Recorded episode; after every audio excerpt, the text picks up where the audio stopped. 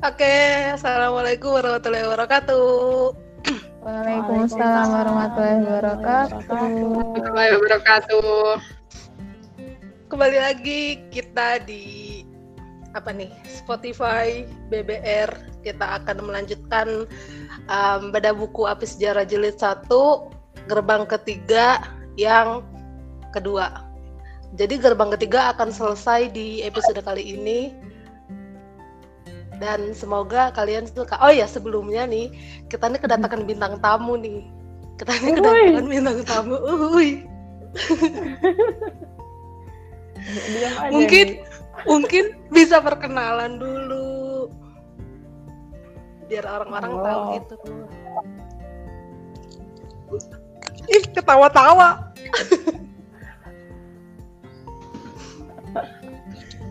Oke, dikenalin sama Ifti aja dong.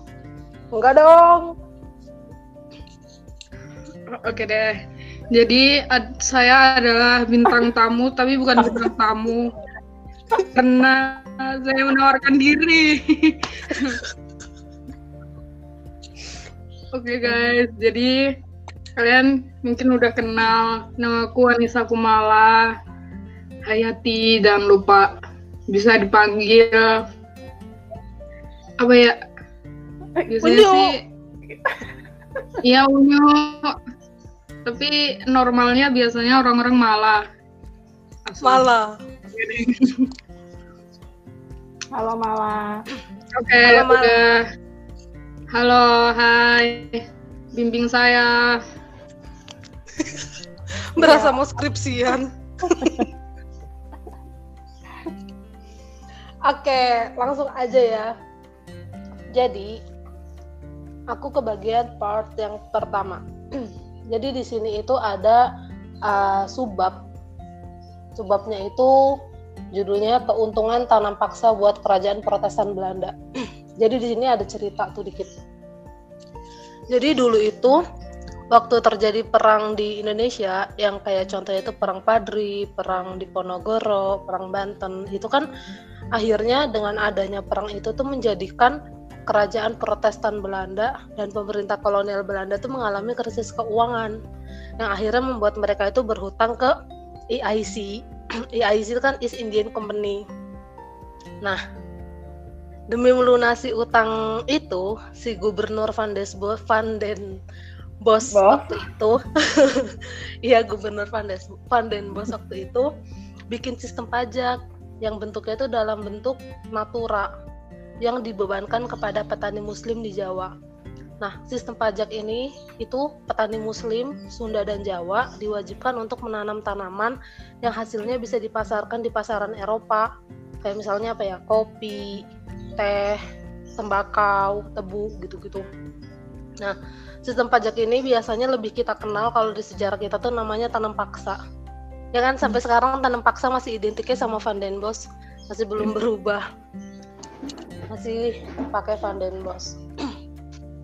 Terus lanjut ke subbab yang kedua, subbab bawahnya itu ada upaya penjajah mematahkan pendukungan ulama, pendukung ulama.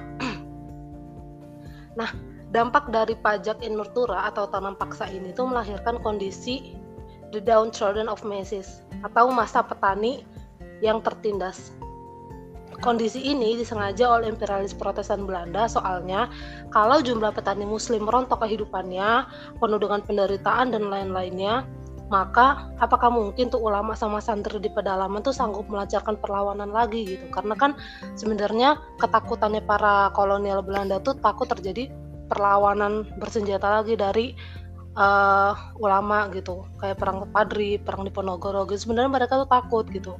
Nah akhirnya mereka membuat sistem ini supaya uh, rontok kehidupannya para ulama. Dan akhirnya nggak melakukan perlawanan lagi. Nah tujuan tanam paksa dari politik penjajahan kalau dari teorinya Karl Clausewitz itu untuk penghancuran segenap kekuasaan lawan para petani muslim, ulama, dan santri dimatikan kesadarannya dan kemampuannya hingga nggak mampu lagi nih untuk memahami makna dan fungsi pasar serta toko dalam dunia niaga.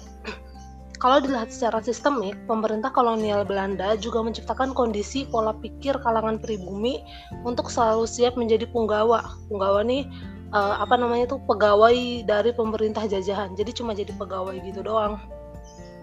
Dan tidak mampu lagi untuk berdiri di kaki sendiri atau berdikari. Jadi apa ya sudah diatur sedemikian rupa gitu bagaimana caranya uh, menghancurkan apa sih ulama dan santri atau Islam yang waktu itu memang sedang berjaya di Nusantara melalui jalur niaga kan pada awalnya.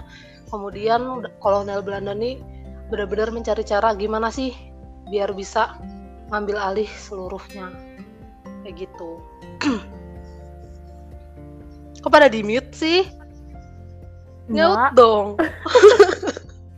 Iya. Lanjut teh. Yang tanam paksa ini nanti dia nanti di kamu dibahas lagi ya Yok Nah, lanjut ke sebab selanjutnya uh yaitu Pangereh Praja kontra ulama dan satri. Nah, Pangereh Praja ini itu apa? Pangereh Pangereh Praja itu adalah penguasa lokal pada masa kolonial Belanda. Pangereh Praja ini ditugasi untuk mengawasi ulama dan segala aktivitasnya yang di pesantren. Jadi dulu itu pemerintah kolonial Belanda dalam upaya untuk mematahkan hubungan dengan Timur Tengah menerapkan sistem ini kan eh sistem ini sistem award bagi siapa pun sultan atau bupati yang tidak pernah naik haji jadi dulu tuh orang-orang yang nggak pernah naik haji tuh dapat kehormatan dari kolonial Belanda dapat kehormatan dan akhirnya mereka bisa apa ya sistem awardnya tuh mungkin kayak dapat promosi jabatan gitu hmm. karena itu dalam upaya untuk memutus hubungan sama Timur Tengah. Jadi kan kalau misalnya nggak ada yang naik haji, apa ya kayak hilang gitu loh nggak sih? Kayak hilang komunikasi. Hmm. Jadinya kayak ya udah secara otomatis bakal terputus kalau semisal memang nggak ada yang naik haji atau yang pergi ke Timur Tengah gitu. Dan ini tuh juga menjadikan hilangnya pengaruh Islam di Nusantara juga juga dinamika juang politiknya jadi kalau misalnya biasanya kan ada tuh ulama yang ke Timur Tengah kayak belajar gitu-gitu kan nah ini tuh akhirnya karena ada sistem award ini dari si kolonial Belanda jadinya menghilangkan pengaruh Islam di Nusantara. Sedikit demi sedikit menghilangkan pengaruh Islam di Nusantara. Nah masih ngomongin tentang jabatan-jabatan ya. Jadi dulu pribumi itu hanya menjabat sebagai lurah hingga bupati, sedangkan para penjajah itu menjabatnya sebagai kayak presiden, gubernur jenderal. Intinya jabatan yang lebih tinggi itu dipegang sama penjajah gitu. Nah, kalau Pangereh Praja ini itu kan sifatnya mengawasi ulama, sedangkan Pangereh Praja itu dijabat oleh pribumi. Berarti kan kekuatan ulama dan santri itu dipatahkannya berbasis masyarakat petani muslim di pedalaman. Jadi apa ya? Kayak Pangereh Praja dipegang sama pribumi, habis itu itu untuk mengawasi ulama dan santri gitu. Jadi secara nggak langsung uh, yang mematahkan tuh masyarakatnya sendiri gitu. Jadi kayak terjadi bontrokan gitu. Sedangkan yang di atas yang kayak jenderal gubernur segala macam yang mereka hanya melihat gitu. Gindang mm-hmm. dan juga di di masa ini itu terjadi okupasi gitu. Yang okupasi itu apa ya? Mungkin asal katanya dari occupation kalau bahasa Inggrisnya pekerjaan. Jadi yang awalnya uh, muslim itu kerjanya di wirausahawan kemudian setelah berlaku sistem ini sistem tanam paksa akhirnya beralih ke ini petani. Karena kan pelabuhan-pelabuhan itu diambil alih sama VOC kan dulu dan akhirnya ulama dan santri beralih ke pedalaman. Kayak gitu. Hmm. nah lanjut ya. Ya.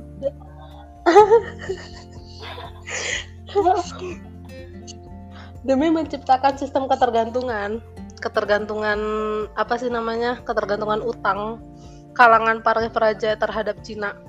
Jadi ini sebenarnya udah masuk sebab baru cuma aku nggak nyatet judul sebabnya apaan jadi aku tidak tahu jadi masih aku masukin ke Pangereh Peraja karena masih berkaitan Ya. Nah, demi menciptakan sistem ketergantungan kalangan apa, apa? gerakan politik kaum tarekat. Ya nggak? Eh. Belum belum belum nyampe atasnya. Oh. Oh. Ya ya. Atasnya. Nah, itu yang Tergantungan apa. pengreh. Nah, nah, demi menciptakan sistem ketergantungan kalangan pangereh peraja terhadap Cina, Cina ini kan pemilik dana nih, maka diciptakan sistem pengangkatan dari kepala desa hingga bupati disyaratkan memiliki sejumlah uang atau istilahnya itu pendanaan ilegal. Jadi kepala daerah atau pilkada zaman kolonial itu disebut ilegal karena tidak ada tidak ada apa ya tidak ada surat gitu dari gubernur jenderal. Jadi si Cina ini dengan kemampuan uangnya akhirnya ya udah nih bikin syarat. Kalau semisal apa namanya ada yang mau naik pangkat atau mau naik ke ini bupati dia harus punya uang gitu. Nah akhirnya kan masyarakat pribumi ini nggak punya uang ya. Akhirnya minjem lah ke Cina minjem ke Cina. Sedangkan itu harga harga apa? Bukan harga sih sejumlah uang harus dimiliki untuk naik itu lumayan mahal gitu. Di sini tertulisnya sih F700 sampai F1000 nah ini aku nggak tahu cara bacanya gimana. Itu nama mata uang atau gimana? Aku juga nggak tahu. Cuma di sini tertulis F700 sampai F1000 gitu. Di sini aku ngibaratinnya kayak sekitaran 700.000 sampai 1 juta berarti. Kalau aku mikirnya gitu aku bayanginnya gitu. Jadi kayak untuk naik ke bupati atau naik ke lurah itu kisaran harganya segitu. Gitu. Terus apa namanya tuh? Eh, Cina di sini tuh disebut namanya tuh eh, taokeh. Taokeh. Bahasa bahasa kunonya tuh taokeh. Sekarang bacanya apa ya? Taokeh gitu kali ya. Heeh. terus tuh nanti kan nih misal di pribumi ada yang mau nyalon gitu kan terus mereka minjem ke Cina. Gimana cara ngebalikinnya atau gimana cara ngelunasinnya tuh? Cara ngelunasinnya itu tuh dengan cara rakyat itu harus bekerja untuk kepentingan taukeh. Jadi apa pun yang dibutuhin sama taukeh rakyat itu harus bekerja. Dan itu nggak terhitung gitu loh butuhnya berapa tahun berapa tahun gitu. Jadi kan imbasnya lebih gede nggak sih? Berapa tahun berapa tahunnya kayak gitu begindang terus kita masuk ke gerakan politik kaum tarekat nah di sini karena para penguasa politik itu udah nggak berpihak lagi gitu ya sama kepentingan rakyat maka rakyat yang tertindas yang tertindas dari kalangan petani muslim itu berpihaknya ke gerakan tarekat gitu. Misalnya di Cilegon.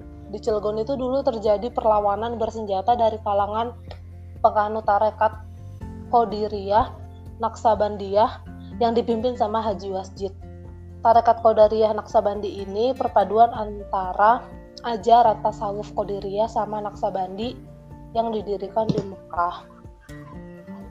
Dalam kondisi ini, dalam kondisi apa petani yang tertindas ini, pada masa petani yang tertindas, ulama ini lebih mengutamakan untuk memperkuat solidaritas muslim atau kesetiaan jamaah.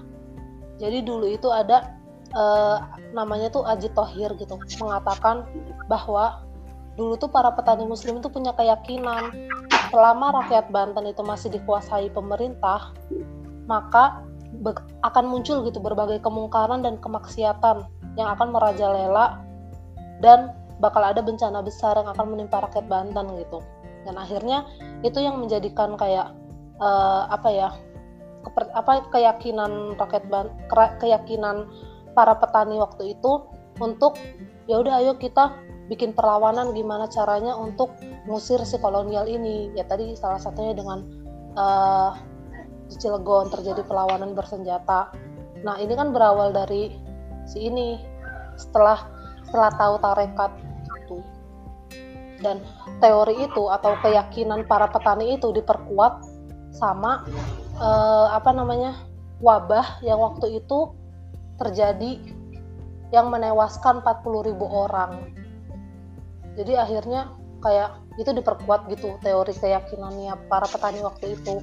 Sama terjadi letusan uh, Gunung Krakatau yang imbasnya kan sampai ke luar negeri.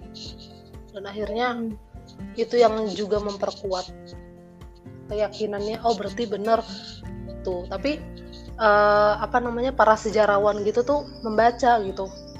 Kalau semisal terjadinya letusan si anak eh, gunung Krakatau waktu itu itu tuh sebagai apa ya salah satu kemurkaan Allah waktu penindasan.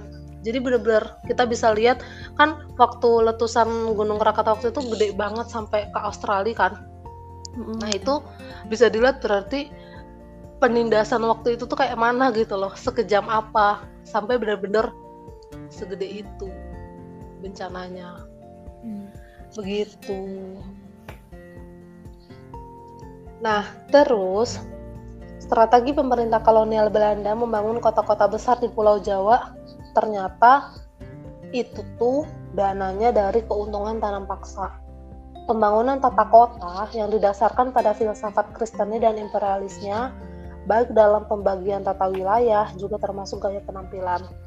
Fun fact-nya, gedung sate, gedung sate di Bandung itu terdapat 24 salib sebagai kantor pekerjaan umum.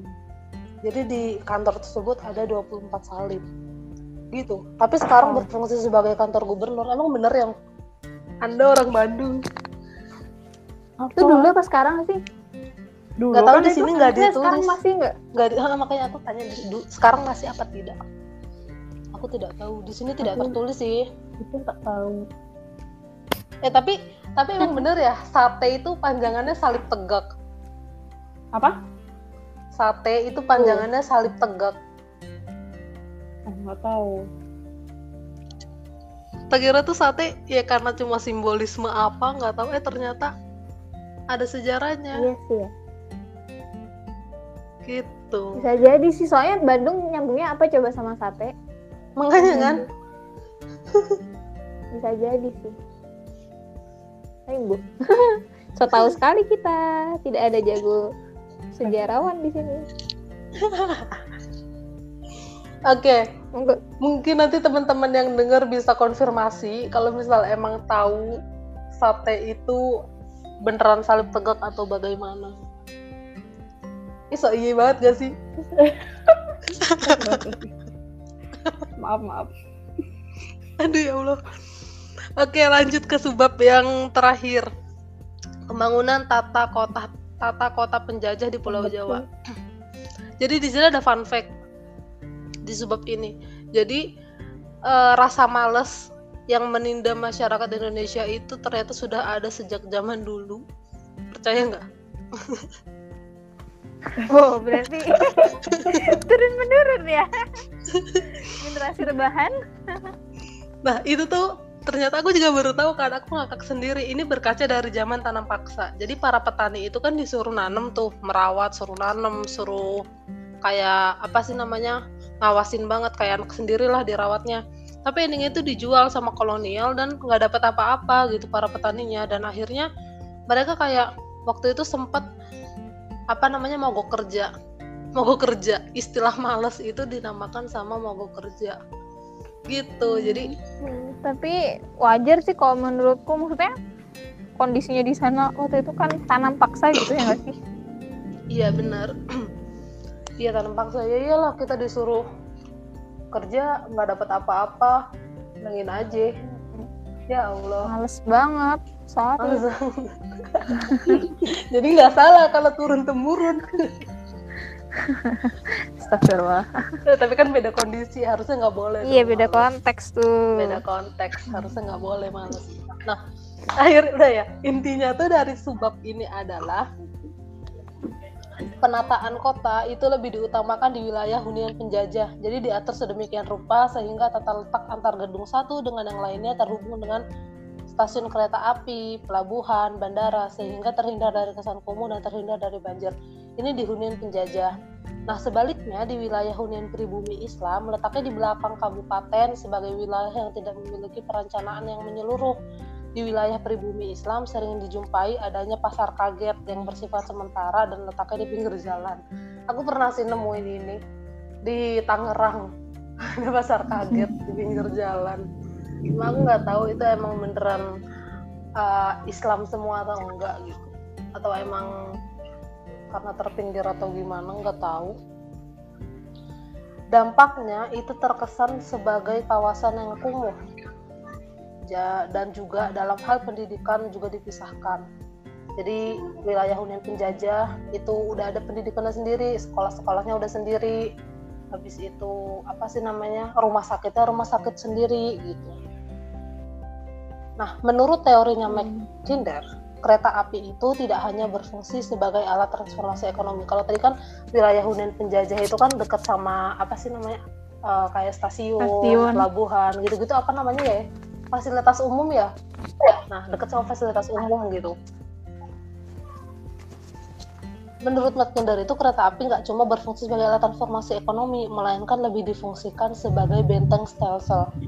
Benteng stelsel itu artinya menunjang mobilitas gerakan operasi serdadu Belanda dalam upaya mempersempit ruang gerak perlawanan ulama dan santri.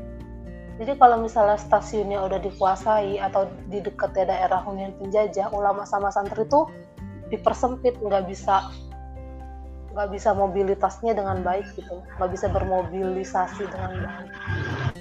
Gindang gitu deh. Selesai. Part aku wah aku langsung kepikiran apa coba tadi waktu apa uh, Belanda yang di Bandung tuh. Apa? kalian tahu jurnal Risa nggak sih? Hmm. tahu tahu tahu aku nggak berani nggak berani ngikutin.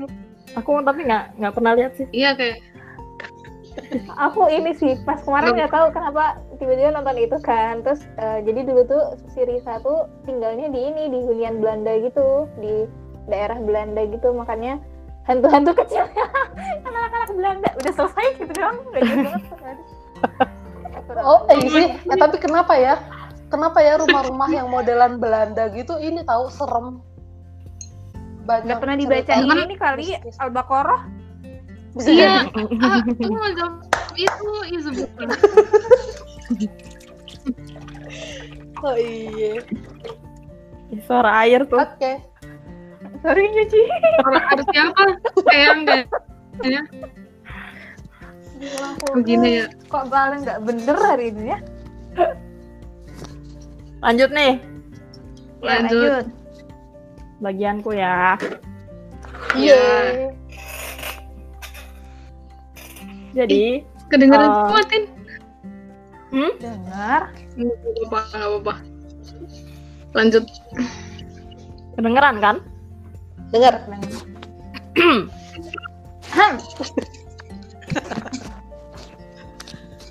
Jadi uh, kita masuk ke subbab Departemen Perang Penjajah di Bandung perang penjara. Jadi Bandung itu ya ini kayaknya nggak ada yang nggak jadi. Kenapa jadi, kenapa ayo? Nggak apa-apa. jadi Bandung ini tuh uh, merupakan kota kedua setelah Batavia sebagai kota pertahanan militer. Soalnya di Bandung itu tuh uh, juga uh, jadi pusatnya pembuatan transportasi udara kayak ya itu kemudian pusat pekerjaan umum, terus ada juga pusat kereta api, pos, terus pusat telegram, dan telepon juga ada di situ.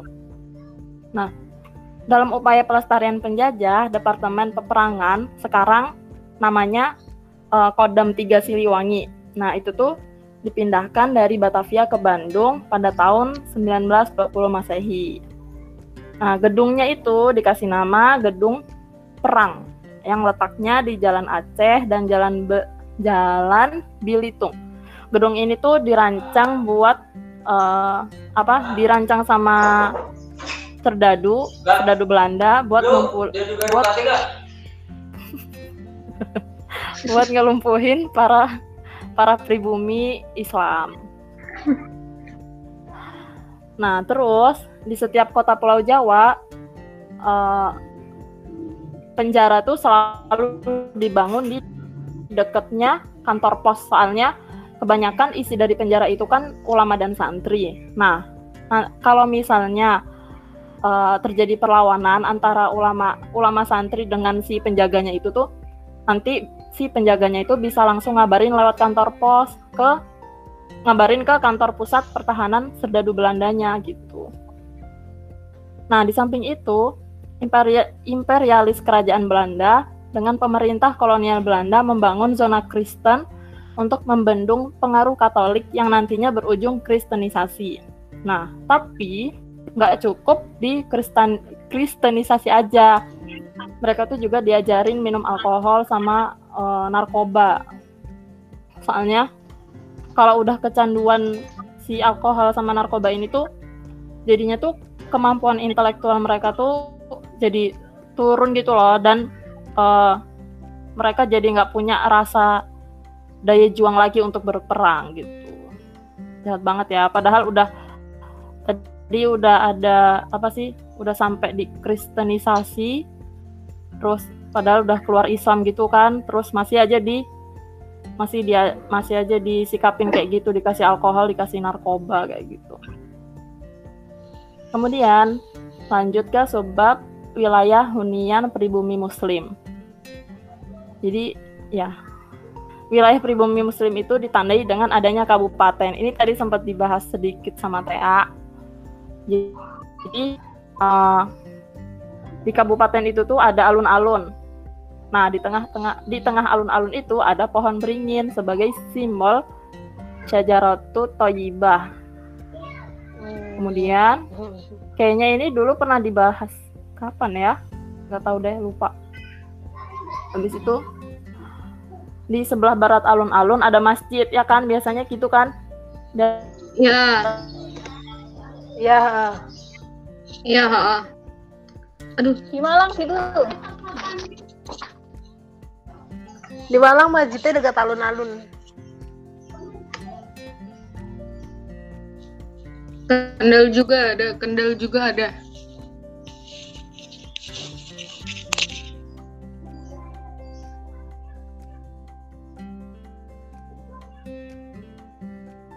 Kok mati?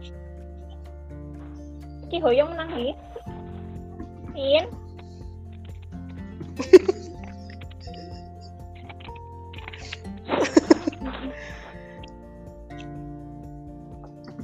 Hayong.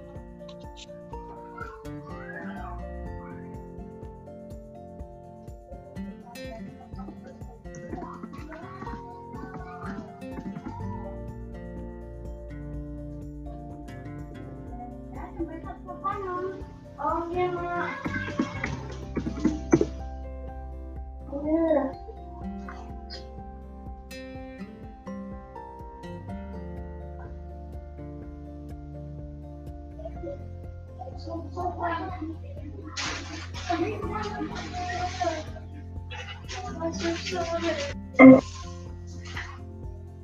Kayak kepotong ya. Iya emang. Ada suaranya tadi. Uh -uh. Nyampe mana tadi? Oh, Nyampe masjid, masjid di samping alun-alun. Oh, oke. Okay. Jadi kan tadi kan di, biasanya di sebelah barat alun-alun tuh ada masjid. Nah, terus di dekat alun-alun itu biasanya ada rel kereta kan. Nah, itu tuh ternyata jadi pemisah antara wilayah pribumi Islam dengan wilayah penjajah. Nah, terus uh, terus di bagian wilayah penjajah itu tuh ada penjara, penjara yang dekat kantor pos yang tadi udah tak jelasin di awal. Nah, habis itu Ya, jadi intinya si penjara sama kantor pos itu tuh tadi tuh uh, tempatnya itu di wilayah penjajah. Habis itu uh, jadi di wilayah pribumi Islam itu tuh juga nggak ada pohon cemara. Nah, soalnya pohon cemara itu tuh erat kaitannya sama ajaran gereja sebagai pohon Natal. Nah, di Islam, iya, iya. di Islam itu juga uh, pohon cemara itu tuh ternyata sebagai lambang kemurkaan Allah. Ini ada dalilnya di surat Sabah ayat 16. Nah, kenapa pohon cemara ditandai sebagai lambang kemurkaan Allah? Nah, menurut Ibnu Khaldun dalam Mukadimah, menanam tanah dengan tanaman yang tidak menghasilkan buah atau daun yang bisa dimakan itu dinilai mem, apa mubazir mem, memubazirkan tanah. Nah, hal itu tuh juga sebagai pertanda keruntuhan suatu bangsa dan negara. Isi perutnya tergantung kepada bangsa dan negara lain begitu. Kemudian pada masa penjajahan sebelah timur alun-alun itu ada bioskop. Nah, kenapa dibangun bioskop? Karena biar umat muslim itu tergoda, jadi nggak rajin ibadah, malah nonton begitu. Oh, alah. Terus Nonton. iya, Allah Karim. terus pas Ramadan, pas hari-hari besar kayak apa sih kayak Maulid Nabi, Idul Adha kayak gitu-gitu. Itu tuh si- alun-alun yang sampingnya masjid itu tuh dialih fungsiin jadi pasar malam yang isinya hiburan dan judi. Nah, ini juga salah satu bentuk apa ya strateginya si penjajah ini loh biar orang-orang muslim tuh jadi nggak nggak rajin ibadah lagi gitu gitu terus nah satu lagi situasi sakralitas gereja itu tuh ternyata udah dijamin oleh sistem perencanaan tata kota eh tata tata kota tata kota pemerintah kolonial Belanda. Jadi sebelah jadi itu tuh udah diatur gitu loh sama pemerintah kolonial Belanda. Kalau sebelah gereja itu tuh eh, sekolah ada sekolahan terus di di sampingnya sekolahan dan gereja itu tuh nggak boleh ada bioskop atau tempat hiburan atau hotel kayak gitu nggak boleh. Be- begitu. Kemudian kita lanjut ke subbab sub area hunian dan sekolah etnis jadi pendirian sekolah dan pemerintah kolonial Belanda itu bertujuan untuk eh, memecah belah pribumi Islam dari dari masa anak-anak gitu dari kecil. Nah, jadi di sini tuh udah kelihatan gitu loh dari bangunannya, kurikulum kurikulumnya itu juga udah dibedain gitu. Dibedain antara anak rakyat dan anak bangsawan. Meskipun anak bangsawan itu muslim, terus eh, ada juga anak sultan yang muslim, eh, mereka itu malah dapatnya itu tuh eh, sekolah di Eropa gitu loh, menjadi prioritas. Kenapa diprioritasin? Soalnya biar yaitu biar orang-orang muslim ini tuh jauh dari pembinaan ulama, terus nggak apa nggak dapat pelajaran tentang agama kayak gitu. Jadi sengaja di eh, prioritasin untuk sekolah di Eropa si pribumi Islam ini. Kemudian kita lanjut ke subbab strategi penjajah pembodohan pribumi Muslim. Nah, imperial, imperialis Protestan Belanda punya program pendidikan yang terkenal dengan istilah politik etis. Tapi politik etis ini tuh dia sebenarnya tuh nggak cuma tentang edukasi sih, tapi eh, jadi trilogi politik etis ini tuh meliputi program irigasi untuk kepentingan pengaturan air untuk keperluan perkebunan.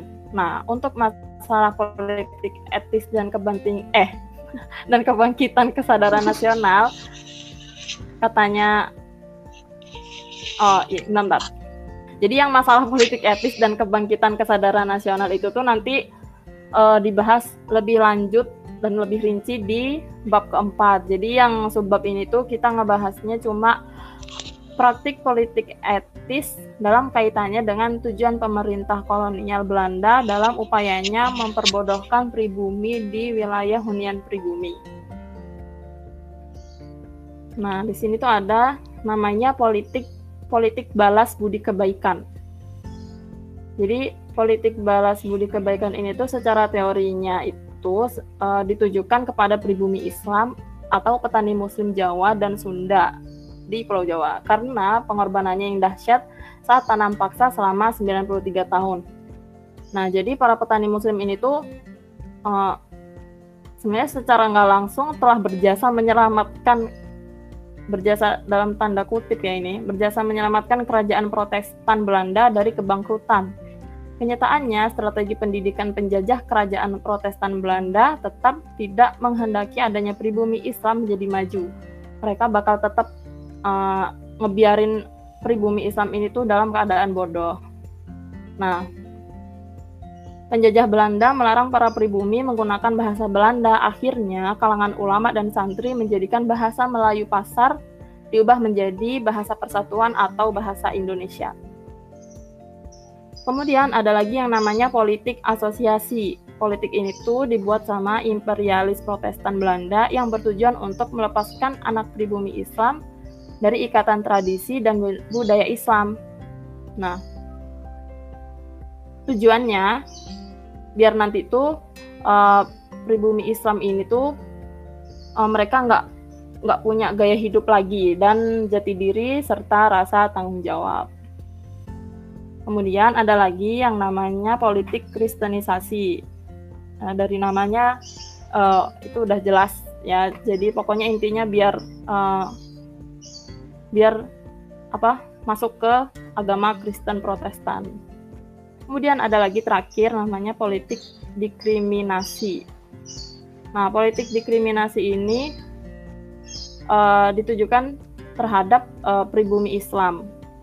Nah, politik ini tuh nggak hanya sebatas dibedain bahan bangunannya aja, tapi juga subsidi keuangannya. Makanya kalau kita lihat uh, sekolah Kristen dan sekolah Katolik di Ambon, oh, bentar Oh ya, kalau kita lihat sekolah di sekolah Kristen dan Katolik di Ambon uh, setelah proklamasi pendidikannya itu jauh lebih baik dibandingin uh, sekolah-sekolah pribumi, pribumi Islam. Soalnya ya itu tadi kan udah dibedain subsidi keuangannya gitu loh. Jadi kayak untuk sekolah yang Katolik Kristen itu tuh dilebihin gitu biar sekolahnya itu jadi bagus begitu. Kemudian masuk ke coba perlawanan bersenjata di luar Pulau Jawa. Jadi kenapa sih kok uh, imperialis kerajaan Protestan Belanda itu tuh berani meluaskan kekuasaannya di luar Pulau Jawa? Nah ternyata dapat tiga faktor. Yang pertama, uh, ini masih ada hubungannya sama tanam paksa yang tadi. Jadi masih dapat keuntungan yang besar dari hasil tanam paksa. Kemudian ada faktor yang kedua itu uh, mereka didorong dengan adanya peristiwa keruntuhan negara gereja di Vatikan. Kemudian faktor yang ketiga yaitu kerajaan Anglikan Protestan Inggris mengambil alih kekuasaan dari kerajaan Katolik Prancis. Kemudian kita lanjut ke sebab perang Padri di Sumatera Barat. Jadi perang Padri ini tuh berhenti sejenak akibat terjadinya perang di Ponegoro di, di Jawa Tengah. Jadi seluruh mesin perangnya Protestan Belanda itu tuh semuanya itu tuh di dikerahkan untuk mengakhiri perang di Ponegoro dulu. Nah, baru habis itu tuh lanjut lagi ke uh, perang Padri tadi. Nah, di sini Imam Bonjol yang kemarin sempat disinggung itu tuh Imam Bonjol ini yang itu kan ya pemimpinnya perang Padri kan. Nah, uh, ya habis itu kan uh, akhirnya kan di, ditangkap dan dibuang ke Sulawesi Utara. Gitu. Kemudian uh, lanjut ke perang Lampung. Perang Lampung ini dipimpin oleh Imba Kusuma. Sebelum dikuasai Belanda Lampung merupakan wilayah kekuasaan Kesultanan Banten. Kesultanan Lampung ini akhirnya nggak uh, kuat dan akhirnya uh, si pemimpinnya ini tadi Imba Kusuma ditangkap dan dibuang ke Timor. Kemudian uh, si perang Lampung ini tuh tetap lanjut, dilanjutin sama anaknya yang bernama Raden Intan II. Terus ada namanya perang Banjarmasin. Perang ini tuh dilaksanakan dengan modal dari keuntungan tanam paksa karena uh, di Banjarmasin itu kan terkenal dengan tambang batu baranya ya. Jadi dapat modalnya dari situ. Kemudian di sini penguasaannya diawali dengan cara melakukan intervensi masalah suksesi sultan. Jadi suksesi sultan itu tuh maksudnya uh, proses pergantian sultan dari kesultanan Banjarmasin yang ini tuh disengaja uh, disengaja sama si ini loh si Belanda sama kolonial Belanda. Nah akhirnya uh, muncullah uh, keretakan antara dinasti. Terus lanjut perang suksesi atau perang pergantian sultan. Nah, perang ini tuh merupakan perang antara Sultan Hidayatullah dengan Tamjid dan Prabu Anom. Dan berakhir uh, Sultan Hidayatullah ini tuh ditangkap dan dibuang ke Cianjur dan rakyat pun akhirnya memberontak hal uh, tersebut. Begitu. Selesai. Walah. Mantep ya. Strateginya tuh kayak detail banget gitu gak sih? Heeh, betul. Sedetail itu. Ih, tapi aku pengen ini pengen nanggepin deh tadi kayak yang eh Petin tadi yang ini loh yang orang-orang pribumi tuh sengaja disekolahin di Eropa tuh Ah, itu tuh sampai sekarang kepengaruh nggak sih? Aku Iya, iya, iya. iya, Bener-bener. aku tadi sempat Sama- kepikir juga. Nah, kayak ini ya eh, sengaja banget tuh kayak orang-orang pintar tuh yang dari Eropa gitu dan padahal kan cara apa ya tata hidupnya aja udah beda gitu. Mm-mm. Maksudnya beda Iya, banget sama iya. kita kan. Jadi ya udah budaya-budaya kayak gitu akhirnya sangat dianggap baik karena ya banyak lah ya kayak influencer-influencer yang Hmm. yang berdasarkan ya di luar negeri ya kayak gitu gitu lah. Gitu. Iya, iya. Eh, tapi aku pernah baca jadi Apa? kuliah di Eropa itu kayak dibuat bisnis gitu loh kuota Apa itu? buat orang Asia Kenapa? karena mereka tuh ngang karena mereka tahu kalau orang Asia sekolah apa itu bakal dianggap sebuah kayak privilege gitu paham nggak? Hmm. Mm-mm. Oh. Nah gitu jadi mereka tuh ada ku- kuota tersendiri buat orang Asia walaupun Hmm. Bayar dan nggak ada beasiswa tetap aja mereka dengan percaya diri ngasih kuota gitu Wah, tapi emang iya sih ke mantap bawahnya kali. Mm-mm. Yes. akhirnya kan yuk kayak gitu ini ya yang, bisa bayar mungkin kalau misalnya bayar ya yang sangat-sangat berkelas gitu kan Heeh. ya begitu deh ya. Iya sih ya. Sedih, sedih, sedih. Berarti ada deislamisasi. Hmm. Mhm, bener ini kayaknya kita emang baca bukunya buku membahas tentang de deislamisasi ya banyak tentang itu Iya. Kayak fakta-faktanya itu satu persatu. Oh alah, oh alah. Mm-mm. Walah bener-bener walah walah banget kamu tahu nggak yuk ya gitu. terima kasih ya Ini Apa? ke aku ya Yoi. Iya lanjut kok Ya. ketawa sih kalian Eh, Nggak apa-apa. kita habis bully kamu udah. ampun ampun sangat suka. Oke lanjut ya. Jadi sekarang ke perang Batak. Perang Batak itu, eh, kayak aku buka natku dulu, biar bermanfaat yang yang sudah tak bikin. Hmm.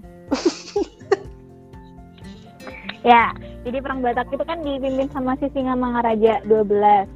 Nah, di apa ya, di sejarah Indonesia itu si Singamangaraja ini dituliskan sebagai seorang yang beragama perpegu. Perpegu, aku nggak tahu sih bacanya apa. Pokoknya perpegu tulisannya ya. Mohon maaf, nanti yang tahu bisa dikonfirmasi ya. Heeh.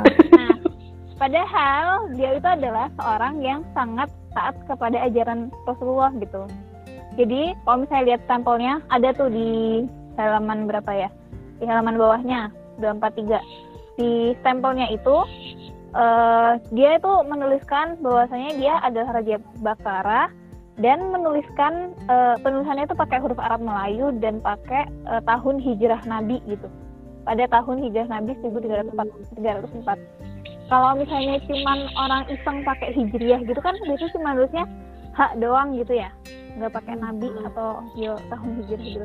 Tapi kalau misalnya bu- beliau bukan seorang muslim ya kalau beliau bukan seorang muslim mana mungkin gitu loh nulisnya sampai tahun hijrah nabi gitu. Hmm. gitu. Jadi eh, agak aneh sih penulisan sejarahnya. Nah di benderanya beliau juga itu warnanya merah putih itu di halaman Iya. sebelumnya warnanya merah putih dengan gambar pedang Rasulullah yang bercabang dua nah di kanan kirinya itu ada dua bulan yang saling berhadapan Jadi kayak jadinya kayak bulat gitu bentuknya. Bulannya berhadapan di sebelah kanan sama eh, ada matahari dengan delapan sinar. Nah, delapan sinar ini menunjukkan eh, apa?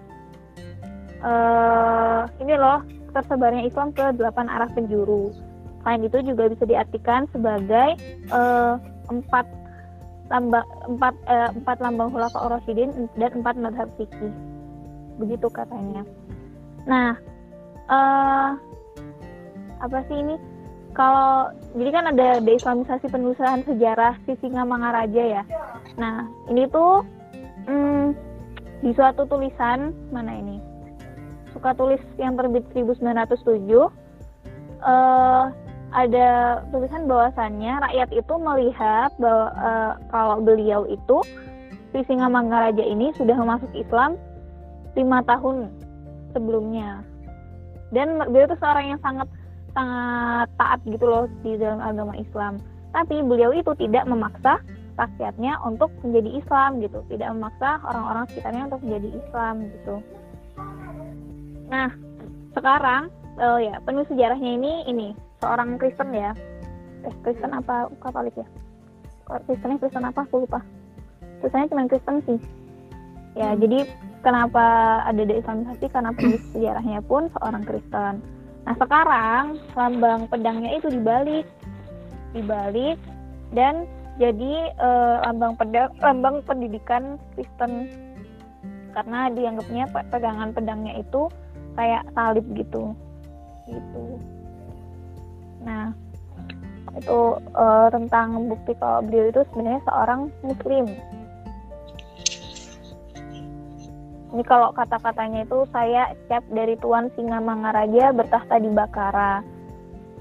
Inilah cap Maharaja Negeri Toba Kampung Bakara nama kotanya Hijrah Nabi 1304 itu kalau konteks katanya Nah, jadi perang Batak ini berlangsung bersamaan dengan perang Aceh yang nanti akan dijelaskan oleh Unyu, ya. Nah, kedua perang ini itu adalah provokasi imperialis Protestan Belanda. Provokasi ini eh, karena iya tadi tanam paksa yang tadi udah sempat dijelasin sama Hoyong, apa siapa ya Hoyong gitu kan ya. Jadi eh, sengaja apa ya kan deket tuh Batak Sumatera Utara sama Aceh. Jadi kayak nggak mungkin gitu kalau misalnya satu diserang nanti yang sebelahnya nggak diserang nanti takutnya bisa ada apa e, bantuan atau apa gitu. Jadi takut nanti e, lawannya makin apa ya makin bisa menguatkan itu akhirnya di- diserang juga Batak di Sumatera Utara berbarengan lah Batak sama Aceh ini. Nah eh, ambisi penyerangannya ini itu tuh didorong juga tadi sempat disinggung juga kayaknya sama Hoyong semakin menguatnya kerajaan imperialis Protestan di Eropa, Inggris dan Amerika Serikat. Karena kan ini eh, kerajaan Katolik tuh imperialis Katolik udah mulai runtuh ya. Nah, kondisi lainnya itu didorong akibat eh, adanya lemahnya Kesultanan Turki di Mesir dan Afrika Utara sehingga kontak niaga dengan Nusantara, dengan Indonesia dan India itu diputus oleh imperialis Belanda dan Inggris. Terus eh, apa ini? Selain itu juga ada ancaman dari imperialis Amerika Serikat yang mulai merambah wilayah Pasifik dan Asia Tenggara. Terus eh, jadi perangnya ini dimulai dengan serbuan Zending yang memasuki wilayah tanah gede Danau Toba. Jadi Danau Toba ini merupakan salah satu sumber potensi dari Sisingamangaraja 12. Terus eh, kan Singa- Sisingamangaraja 12 ini ini ya eh, juga berkomunikasi gitu sama Aceh dan Sumatera Barat.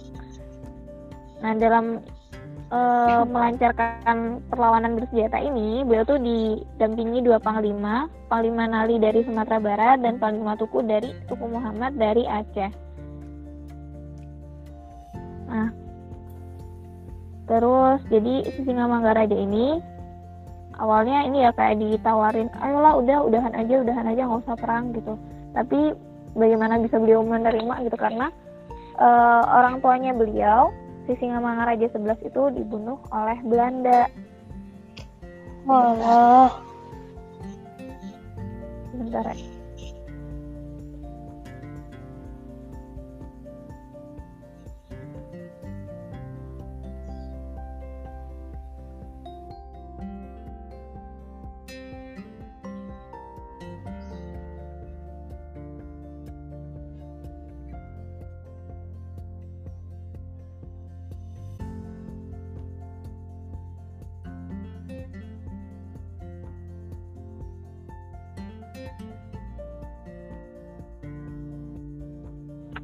Dah. Bentar, bentar, bentar. Sorry. Eh, terus, jadi perangnya ini selama 35 tahun. Kalau dilihat itu, itu ya, lama banget 35 tahun. Karena beliau itu juga secara persenjataan itu nggak sebanyak, nggak sebagus eh, Belanda waktu itu kan. Gitu. Jadi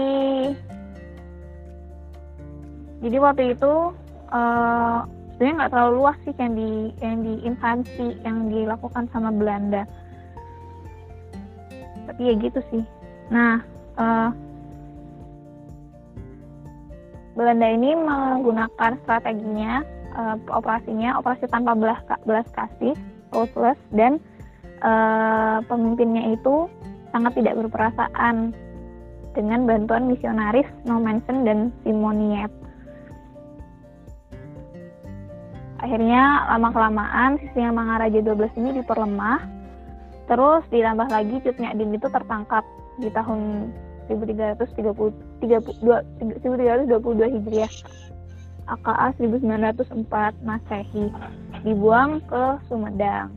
Terus menyusul Sisinga Mangaraja 12 ini dan putrinya gugur. Nah, karena tadi kan dibantu sama misionaris Nommensen dan Simoniat itu, akhirnya keduanya itu diberi apa ya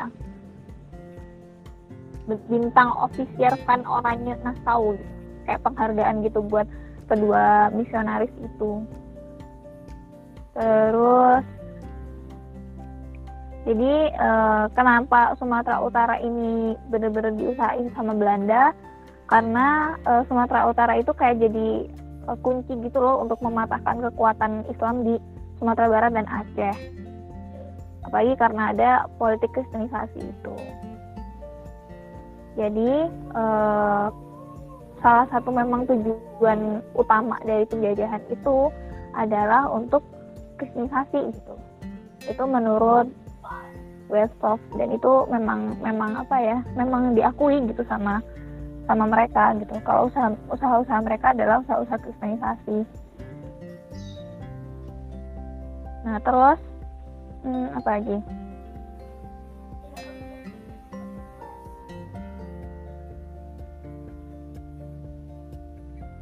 Terus ini udah sih tadi. Terus apa lagi ya? Oke lanjut ya. Jadi setelahnya eh, ini anu setelahnya bab subbab ini yang dibahas adalah perubahan peta politik di Eropa dan Timur Tengah. Kan ini sebenarnya perang-perang belum selesai ya, ada masih ada perang Aceh nanti. Tapi kenapa dibahas ini duluan? Karena eh, ini tuh sangat terpengaruh eh, perang Aceh ini saling mempengaruhi gitu sama perubahan peta politik di Eropa dan Timur Tengah. Nah, jadi ceritanya seperti ini. jadi, aduh, aku tuh kalau didengerin horor loh, astagfirullahaladzim. Jadi untuk memenangkan uh, kompetisi antara imperialis barat, jadi Inggris itu berusaha untuk menguasai teru- terusan Suez dari Perancis Katolik yang tadi sempat disinggung sama Petin ya. Uh, apa mulai runtuhnya kerajaan Princes eh, Princes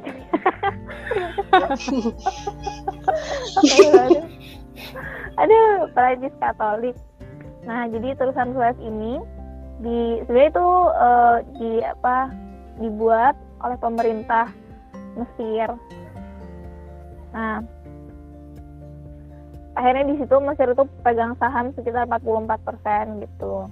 Terus karena ada krisis moneter, perusahaan Suez itu dijual ke Inggris. Nah, penjualan ini menjadikan kerajaan Anglikan Protestan Inggris itu jadi uh, pemegang saham terbesar. Nah, akhirnya bisa mengamankan kepentingan penjajahan atas India. Jadi India itu tadi yang uh, megang perusahaan Sueznya gitu. Terus uh, pemegang sahamnya tapi kebanyakan uh, Mesir.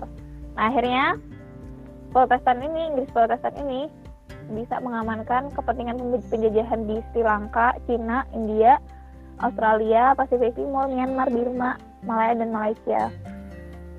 Nah, karena bisa menguasai terusan Suez dan Mesir, akhirnya kerajaan Anglikan Protestan ini bisa juga Inggris, Anglikan Protestan Inggris ini bisa mematahkan peran kerajaan Katolik Perancis Napoleon yang ketiga yang melindungi negara Gereja Vatikan begitu. Dengan kata lain, uh, peralihan terusan Suez ke kerajaan Protestan Inggris ini merupakan proses penyempurnaan untuk mengakhiri uh, kekuatan imperialis Katolik.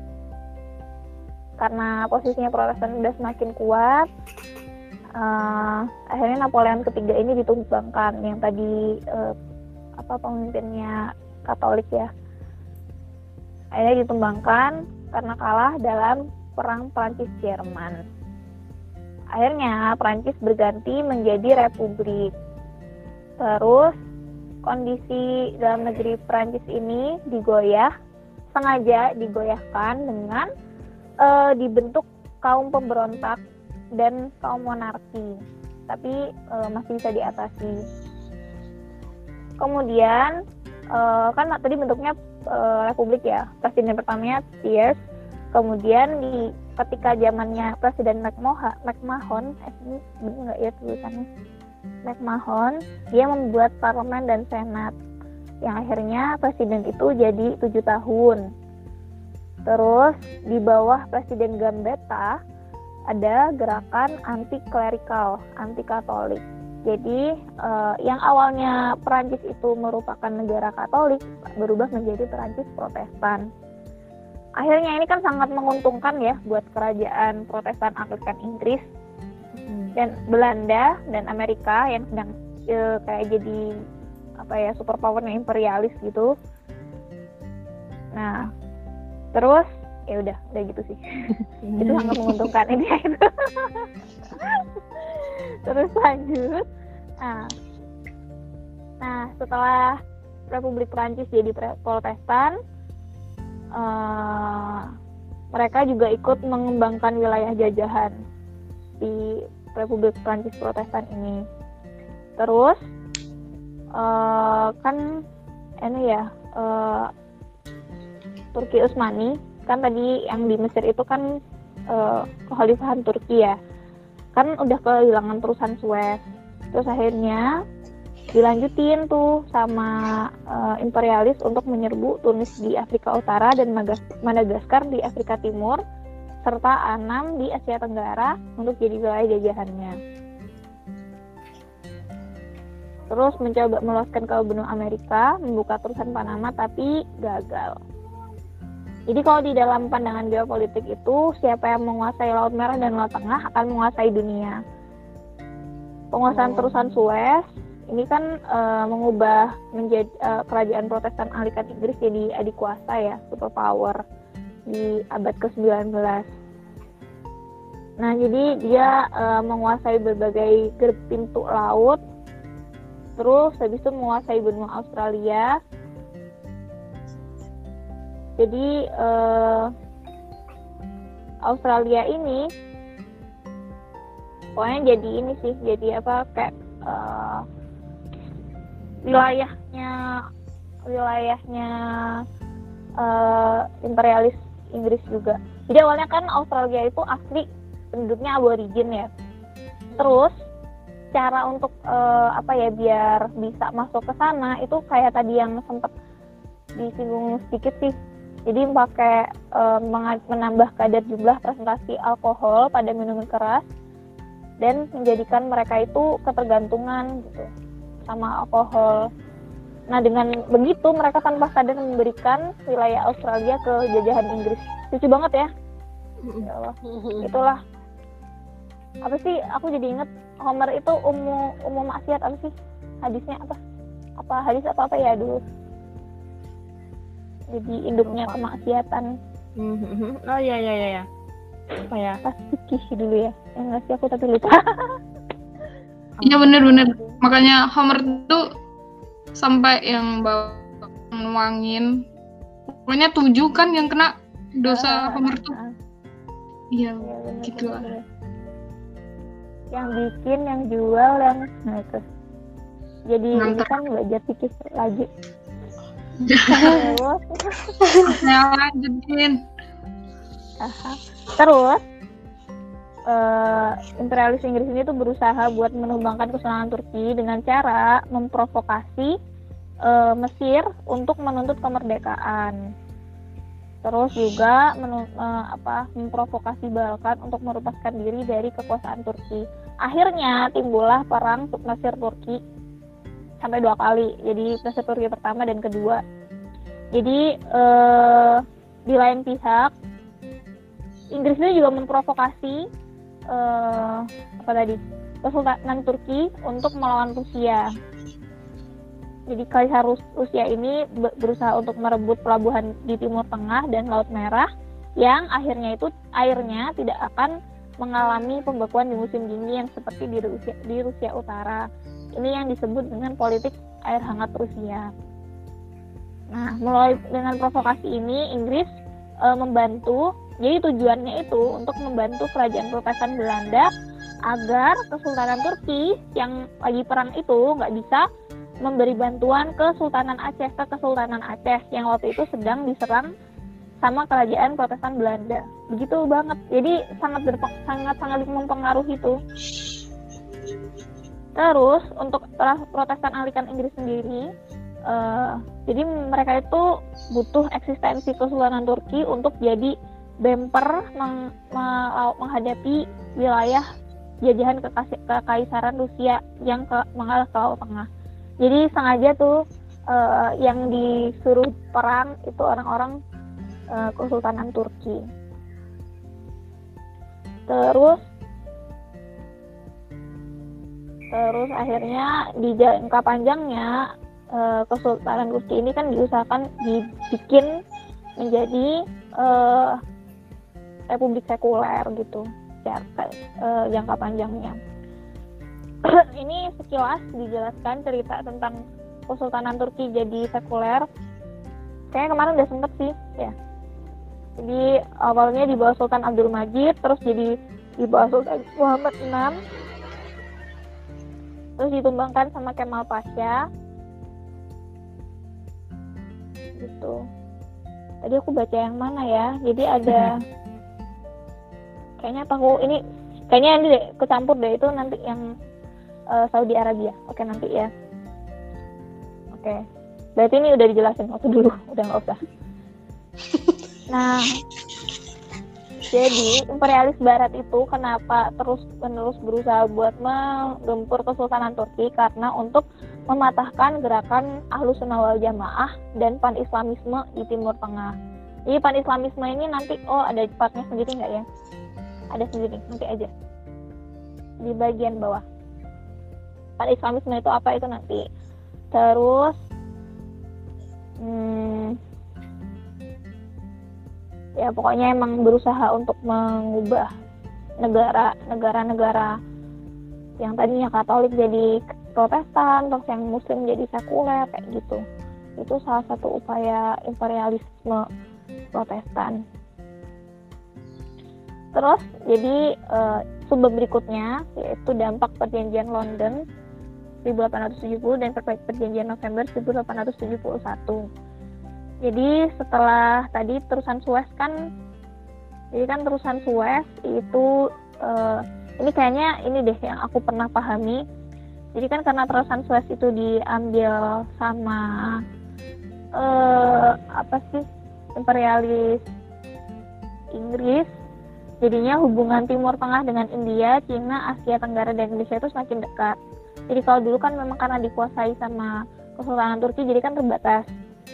Nah karena akhirnya uh, udah terbuka gitu penyebaran berita tentang gerakan perlawanan bersenjata terhadap imperialis barat di Timur Tengah itu semakin cepat menularnya ke Indonesia. Jadi untuk mengantisipasi itu, kerajaan Protestan Belanda dan Inggris mengadakan perjanjian London 1870 dan perjanjian November 1871. Perjanjian ini uh, membuat kerajaan Protestan Belanda menyerahkan pantai emas di Afrika serta kerajaan Protestan Anglikan Inggris memberikan kewenangan kepada Belanda untuk melancarkan penyerangan ke Kesultanan Aceh. Ini ini sebelum tadi perang Acehnya. Ini nih uh, saling mempengaruhinya di situ. Jadi kalau bisa dilihat kan berarti sejarah Indonesia itu sejarah internasional ya. Seperti yang dituturkan di J.C. Vanler dalam Indonesia Trade and Society bahwasannya Kesultanan Aceh ini perangnya itu nggak cuman eh, nggak uh, cuma karena pengaruh bukan perangnya doang berarti ya uh, terpengaruhnya itu nggak cuma terpengaruh oleh yaudah daerah Aceh doang tapi terpengaruh juga oleh Timur Tengah pokoknya uh, apa ya udah internasional banget sejak dulu makanya yang apa upaya untuk menyerang Kesultanan Aceh ini melibatkan uh, imperialis Protestan Inggris, Amerika, dan Belanda. Gitu. Ini saling berkaitan. Ada sejarah luar negerinya juga gitu loh. Keren banget ini kelihatannya. Padahal penjajahan ya. Rasulullah. Oke, okay, terus ini sebelum nanti lanjut ke subbab berikutnya ini sempat di di dijelaskan tentang peringatan Jamaluddin Al Afghani.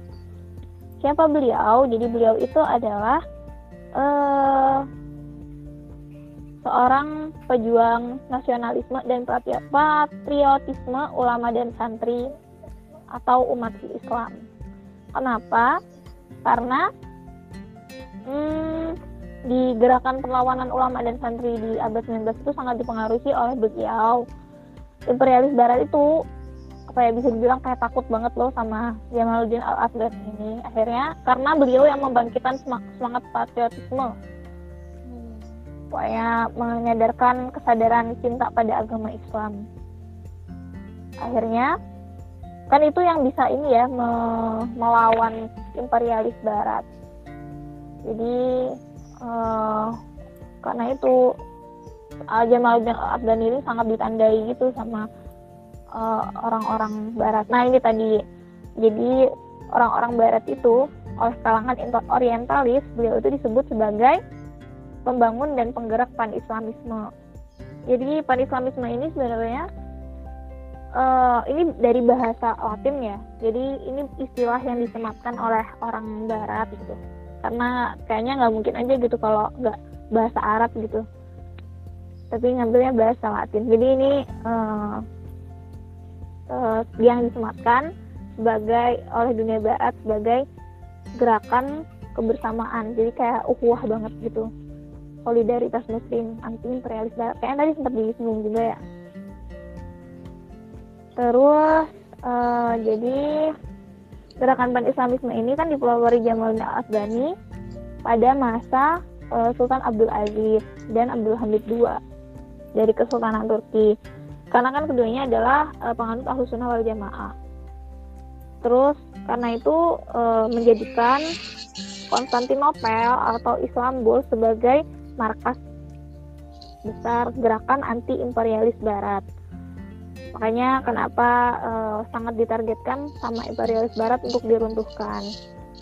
Usahanya untuk meruntuhkan ini dengan cara uh, melemahkan Kesultanan Turki di bawah Sultan Muhammad V pada pada saat Perang Dunia Pertama ada yang disebut Turki Muda, gerakan Turki Muda yang melakukan kudeta. Nah, kudeta ini ditujukan untuk kita tadi memperlemah uh, Kesultanan Turki jadi akhirnya Sultan Muhammad V ini jadi sultan tapi tanpa kekuasaan cuma jadi simbol doang.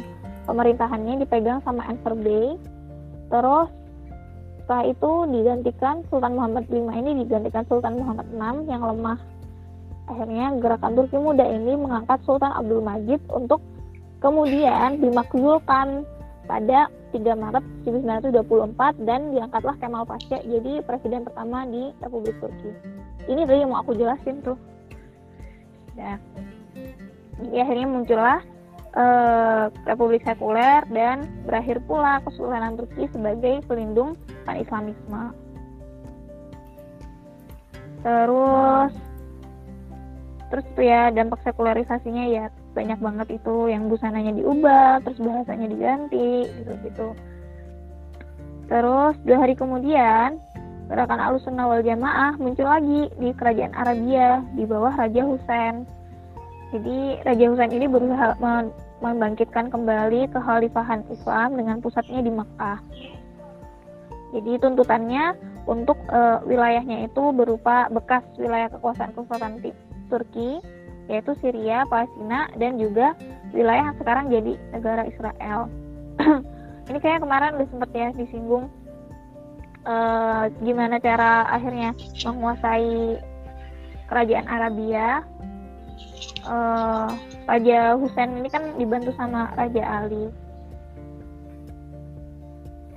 Nah, akhirnya untuk bisa meruntuhkan itu, kerajaan Anglikan Protestan Inggris ini uh, bekerja sama dengan Abdul Aziz bin Saud, penganut aliran Wahabisme. Jadi ini tuh kayak pemanfaatan doang gitu, pemanfaatan doang. Proses tumbangnya, jadi uh, Raja Husain ini kan tumbang, terus digantikan putranya Raja Ali. Terus karena karena apa ya tadi tadi itulah yang usahanya Inggris itu akhirnya menum, ditumbangkan oleh serbuannya Abdul Aziz bin Saud dari Kuwait. Jadi makanya mulai saat itu uh, sebutannya itu bukan cuma kerajaan Arabia tapi kerajaan Jazirah Saudi Arabia. Jadi ada Saudinya itu sejak uh, dipimpin Abdul Aziz bin Saud itu akhirnya imperialis barat kan bisa memecah belah kekuasaan politik Islam. Terus muncul gerakan nasionalisme. Meskipun sudah runtuh tapi kebangkitan apa ya rasa solidaritas itu masih ada gitu. Terus akhirnya hmm, mana ya? Nah tadi itu untuk menghadapi gerakan pan-islamisme itu eh, kerajaan Protestan Anglikan Inggris akhirnya menggunakan politik balance of power. Ini yang sempat disinggung sama Teh kayaknya ya pekan kemarin yang mereka membantu Zionisme untuk membangun negara Israel. Ya kan ya? Iya benar. Ya terus sengaja banget tuh Timur Tengah itu juga jadi dijadikan pasar senjata dari produk negara-negara barat. Karena makanya perang perang di Timur Tengah itu kayak nggak pernah selesai ya. Karena Timur Tengah itu punya minyak yang banyak jadi sanggup tuh buat beli. Jadi sengaja banget ada kayak pemecah belahan di sana tujuannya untuk itu. Kayak kemarin ya tak Qatar yang habis dimusuhin sama semuanya. Iya.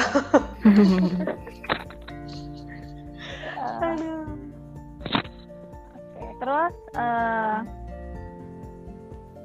Al-Stoddard dalam dunia baru Islam menuliskan tentang peringatan Jamaluddin Al-Afghani. Jadi yang pertama, pandangan dalam pandangan barat, nasionalisme dan patriotisme adalah sikap dan nilai positif yang hanya boleh dimiliki oleh barat. Sehingga perlawanan umat Islam terhadap imperialis barat, meskipun tujuannya kayak gitu juga ya, membebaskan tanah air gitu, bangsa dan agama itu dibilangnya bukan gerakan nasionalisme gitu. Dan hmm. gitu. Jadi ya gitulah. Nggak ini ya nggak konsisten aneh. Terus yang aku tuh suka bingung loh maksudnya kayak eh, gerakan-gerakan kayak gitu mereka menganggap gini gitu.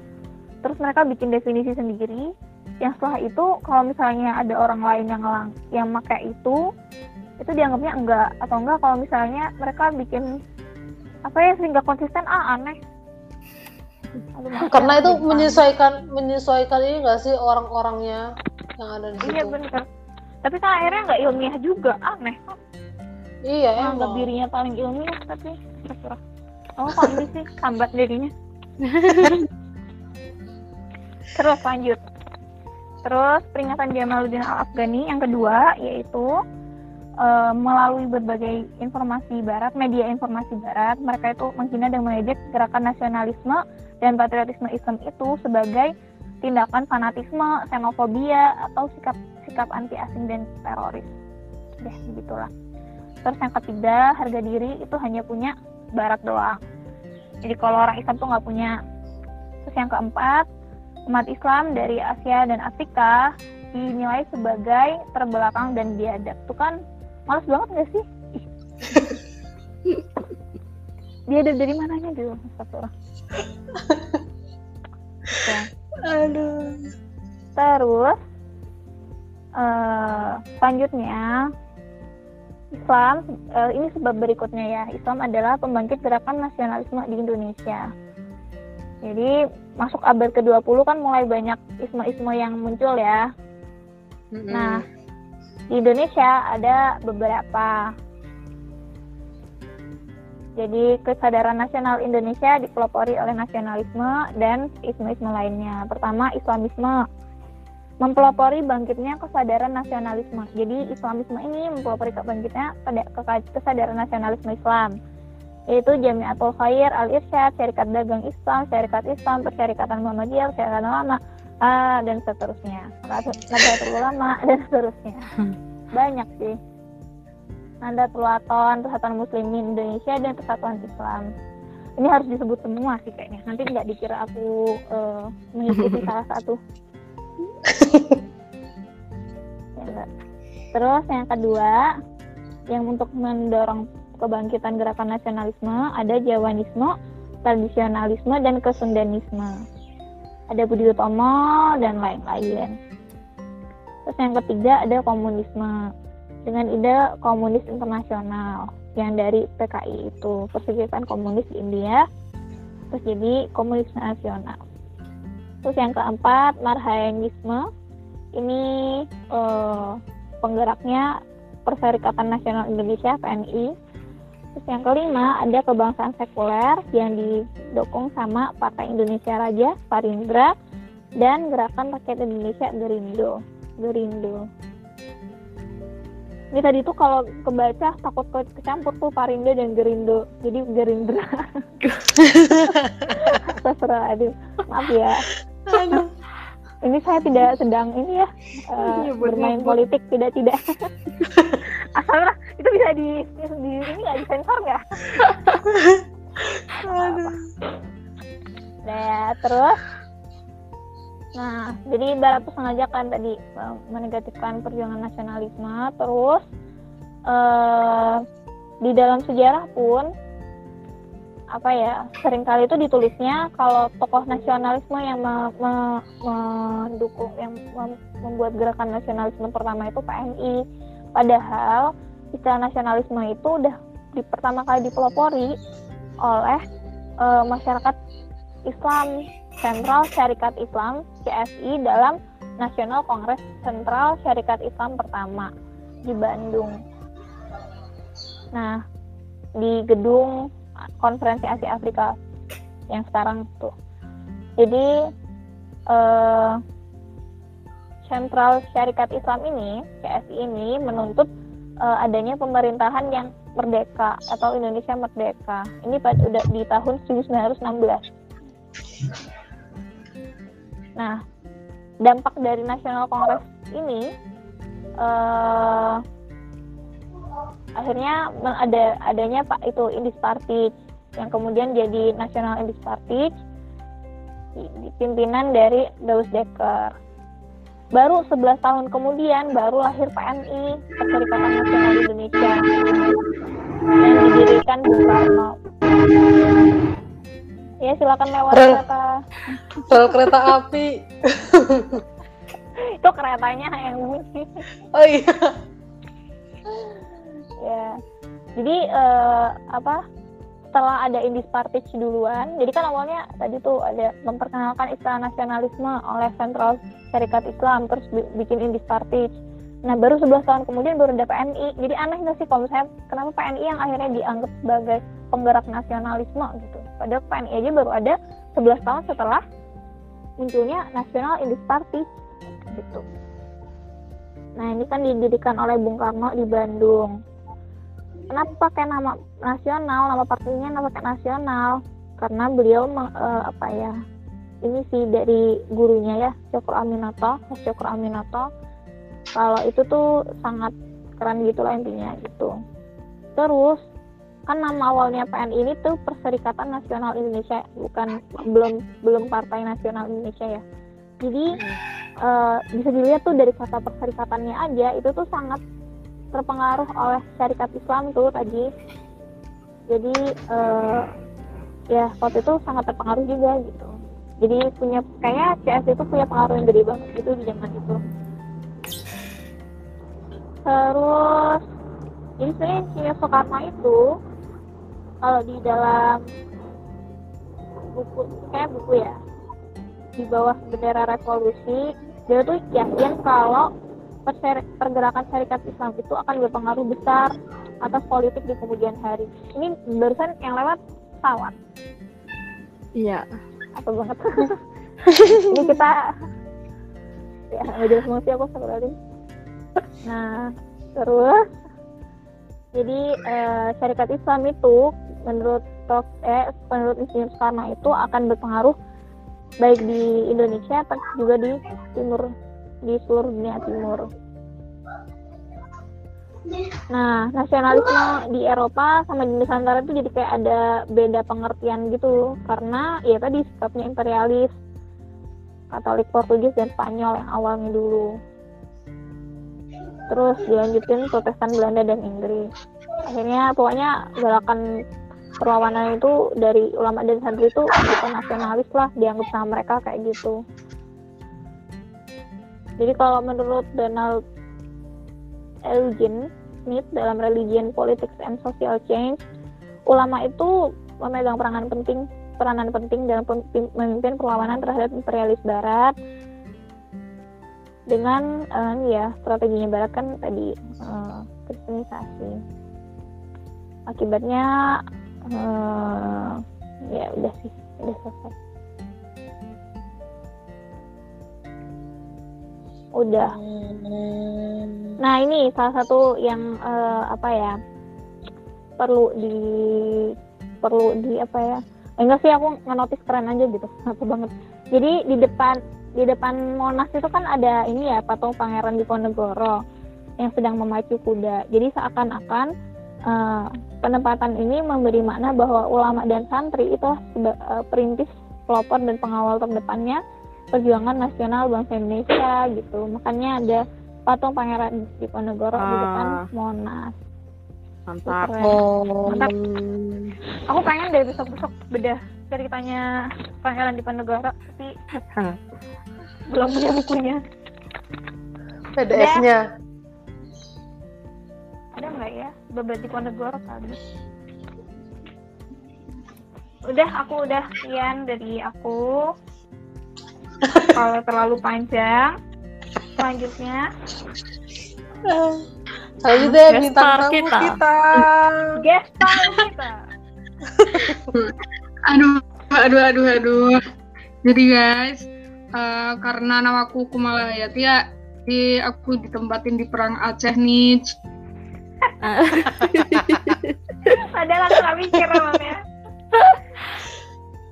Mantap. Iya. Oke, kita bakal membedah perang Aceh yang mungkin nggak terlalu dibedah banget ya. Lah kenapa? Aduh, aduh aku malu Oh, iya. sumpah. Jadi perang itu sebenarnya terjadi selama 70 tahun, bayangin. Wow. Eh, kita aja belum ya.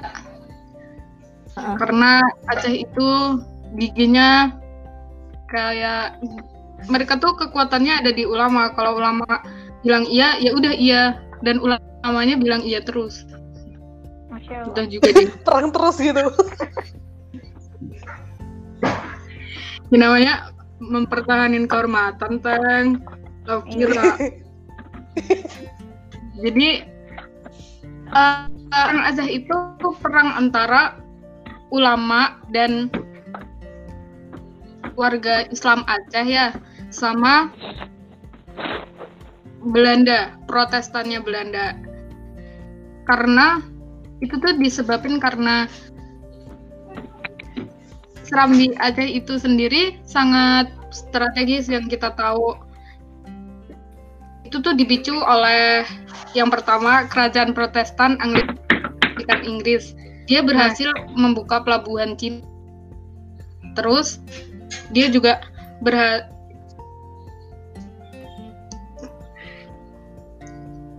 nah terus Jepang tuh menandinginya dengan membuka Jepang merebut Filipina gitu loh. Itu tuh dilakukan sebagai batu loncatan buat ngerebut Cina.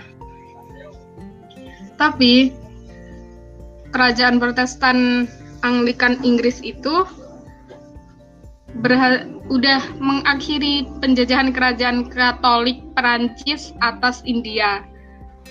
Paham nggak sih apa yang aku ngomongin?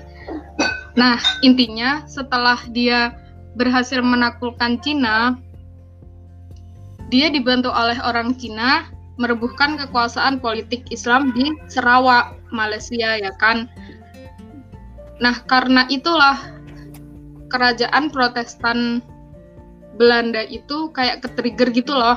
Soalnya kan sama-sama Protestannya dan dia tuh udah melebarkan sayap ke banyak tempat ya. Jadi dia berpemikiran buat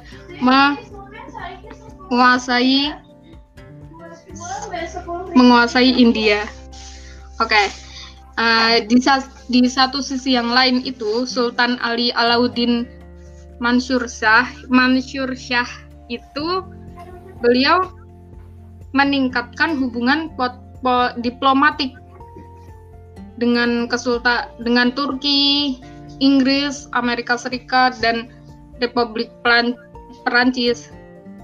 Tapi di satu sisi yang lain ternyata mereka tuh juga kayak apa ya kayak bakal direbut juga antara kerajaan Protestan Belanda sama kerajaan Protestan Anglikan Inggris itu mereka mengadakan perjanjian perjanjiannya itu tukar tentang tukar menukar wilayah jajahan nah kerajaan Protestan Belanda itu diberikan kekuasaan untuk melancarkan operasi militernya menggempur Kesultanan Aceh. Uh, itu tuh bukan pertama kali dilakukan karena yang pertama mendasari alasannya ya karena mereka tuh sama-sama Protestan dan ya udah saling bantu membantu aja gitu loh namanya perjanjian London oke okay. Paham nggak sih? Oke. Oke, yuk. Nah, sebelumnya kerajaan Protestan Belanda itu udah menaklukkan Bengkulu. Setelah itu mereka ke Palembang. Setelah ke setelah dua itu berhasil ditaklukkan, mereka menuju ke yang paling dekat, yaitu Minangkabau. Oke, di sini dimulailah perang-perang itu. Pas waktu pertama itu di mereka perang dengan namanya perang Padri. Padri. Nah, perang Padri itu berakhir karena pimpinannya Imam Bonjol itu dibuang ke Minahasa. Setelah dibuang ke Minahasa ke Parahyangan kemudian dipindahin ke Ambon. Karena di situ di kedua tempat yang awal itu mayoritas muslim. Jadi kayak Imam Bonjol tuh masih di, mungkin masih bisa kayak kuat gitu karena takut buat karena Belanda takut kalau itu bisa memantik lagi akhirnya beliau dibuang ke Ambon yang mana di situ tuh kita tahulah Ambon tuh bukan pusatnya orang Muslim ya kan? Nah di situ lah Imam Bonjol tuh gugur sebagai syuhada dalam usia 92 tahun. Oke, Allah maghfir lahu. Nah, karena Belanda tuh sangat berpemikiran kalau perang Padri harus karena perang bantuan juga solidaritas dari rakyat dan eh setelah perang Padrius tuh kayak memantik perang memantik si Singa Mangaraja 12 dari, dari Sumatera Utara sebagai pejuang Islam. Beliau tuh bangkit sebagai pejuang Islam karena wilayahnya tuh udah mulai dijadiin objek pengembangan agama Kristen Protestan gitu loh. Karena di situ kan kalau Sumatera Utara itu harusnya pengembangan Islam ya. Nah, di situ tuh terjadilah benturan kepentingan yang sebagai daerah asal beliau ingin mengembangkan Islam, tapi penjajah masuk ingin mengembangkan Kristen Kristen Protestan. Itu perang Aceh meletus setelah adanya perjanjian hubungan diplomatik antara Kesultanan Aceh dengan konsul Amerika di Singapura.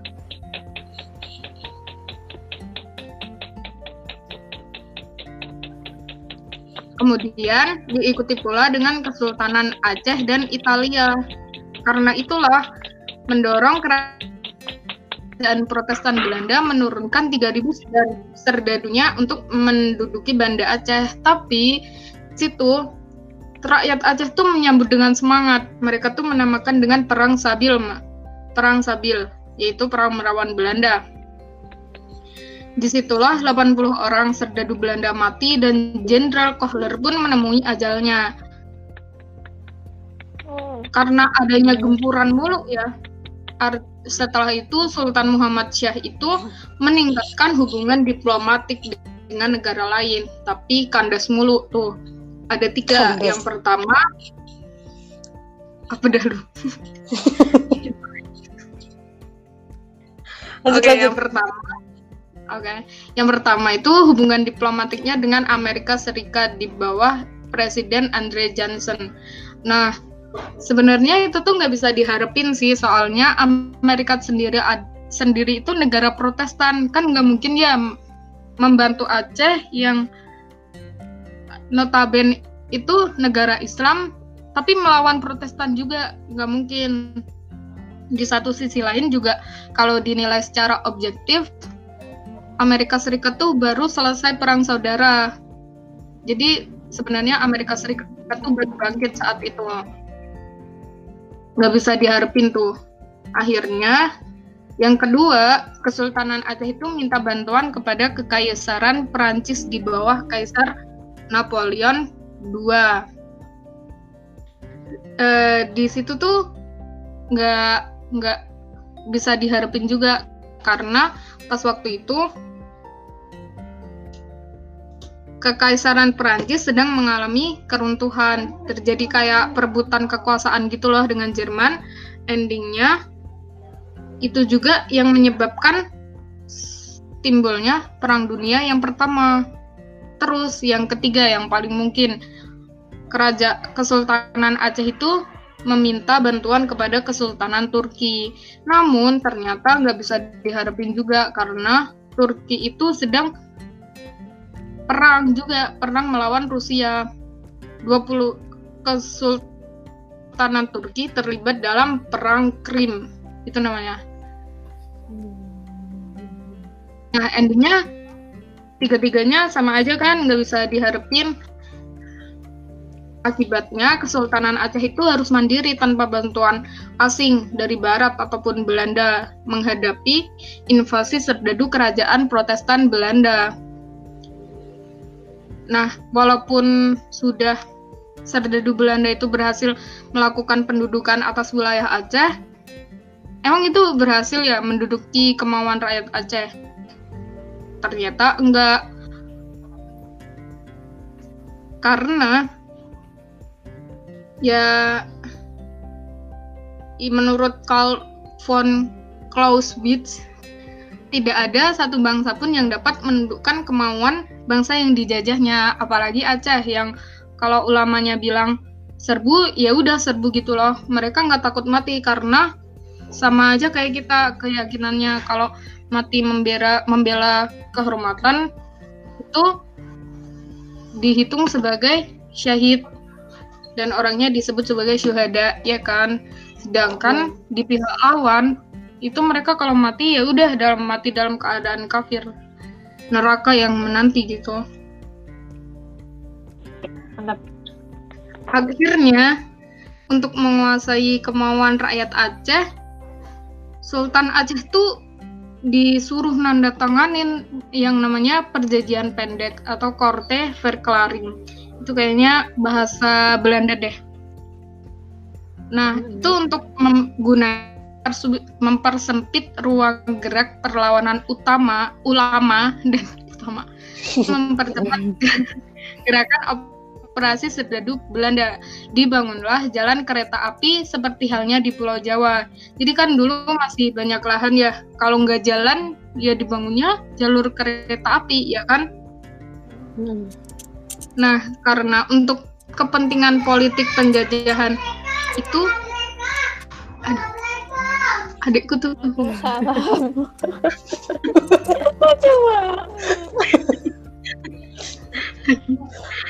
kegedeannya suaranya dia. Jadi Ulu Balang tuh diseret jadi pembantu utamanya. Tapi harus diingat kalau Aceh tuh bukan milik Ulu Balang ya kan?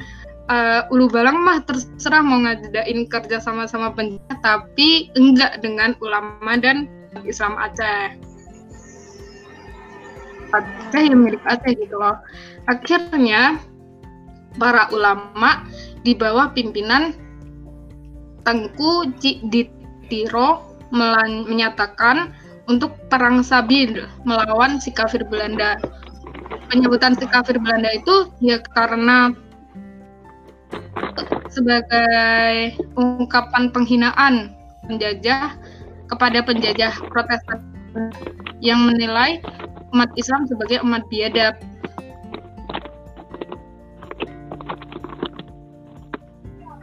Nah, karena itu perang sebenarnya baru berakhir bersamaan dengan berakhirnya penjajahan kerajaan Protestan Belanda yang menyerah pada bala tentara Dayi Nippon pada kapitulasi di Kali Jati Subang pada 20 oh. Safar 1361 Hijriah atau 8 Maret 1942 Masehi. Namun itu kan maksudnya di Subang ya, sedangkan perang Aceh sendiri itu masih melakukan eh kalian dengar suara nggak sih? Dengar. Itu suara kereta. itu suara kereta. Maaf ya, aku tuh deket kereta. Oh, apa-apa. Jalur kereta maksudnya. Nah, lanjut. Oke. Okay. Jadi itu kan terjadi di Kalijati Subang, sedangkan Aceh itu tetap melanjutin perang geril gerilyanya nyampe 1942. Ya karena emang 71 tahun. Nah, kenapa rakyat Aceh bertahan? Ya karena itu ajaran ulama kalau ada kematian buat rakyat Aceh itu ad adalah kematian yang mulia. Itu yang menjadikan rakyat Aceh tetap bertahan. Nah, ini nih. Pada waktu itu kereta kan tadi udah aku omongin ya kalau dulu masih banyak tanah kosong jadinya kalau nggak dibangun jalan ya dibangun rel kereta api gitu kan. Nah, untuk transportasinya Nah, pada masa perang, nah serdadu perang dalam perang Aceh dulu menggunakan jasa kereta api sebagai sarana rootless operation. Karena udah gede ya, malam harinya dihancurkanlah rel kereta api oleh gerilyawan Aceh. Di Pulau Jawa di jalan kereta api dibangun sebagai gurita yang memperse- mempersempit ruang gerak ulama dan santri begitu. Jadi udah jelasin kan di awal. Oke. Lanjut nih. Tadi kan ada Tengku Cik Ditiro ya. Nah, sekarang adalah Cut Nyadin. Cut Nyadin itu di awalnya beliau cuma mendampingi suaminya Tengku Umar. Insya Allah ya, hebat sekali beliau. Padahal beliau tuh nggak ada tuh sama sekali nggak pernah Nggak bakal turun kan? pendidikan militer secara formal, tapi kepemimpinannya mengakibatkan pihak Belanda menderita kerugian yang besar dan banyak pula ser- serdadunya yang tewas. Efeknya, serdadu Belanda pun kesulitan dalam melakukan penyerangan gitu. Cut Nyadin tetap berjuang terus nyampe akhirnya tertangkap dan dibuang ke Sumedang, Jawa Barat.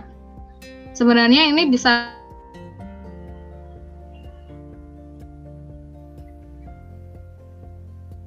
perang aja sih, cuman ya itu tetap aja kan rakyat aja tuh nggak bakalan selesai kalau kehormatannya tuh masih diinjak-injak mulu. Oke. Jadi di sini dalam tulisan Frater Amator dan asi lain tentang perang Aceh dalam sejarah Indonesia untuk sekolah Kanisius itu dijelaskan kalau mereka tuh lebih memilih penjajah daripada perang Aceh eh daripada ulama gitu loh. Jadi seakan-akan rakyat Aceh sama ulama itu yang salah, penjajahan itu yang benar.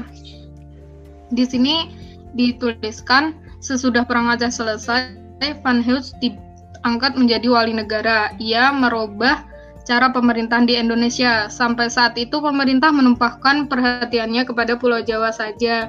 Pulau-pulau seberang tidak diindahkannya. Sebab itu banyak pula kejadian yang tidak menyenangkan di sana sini. Perampokan, pembongkaran, dan penjerobotan dilakukan setiap hari. Penduduk diperas oleh raja-rajanya sendiri sampai mereka sering meminta bantuan dari gubernemen. Ini nah kayaknya gubernur deh. Keselamatan tiap-tiap orang tidak terjamin. Van Hughes berkehendak bahwa keselamatan tiap-tiap penduduk mesti terjamin di bawah pemerintah Belanda. Ia bertindak dengan kekerasan.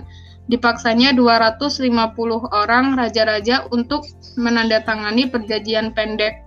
Sejak itu penduduk bersama-sama dengan aman dan sentosa. Padahal kan enggak, perjanjian pendek itu dilakukan dengan cara memaksakan.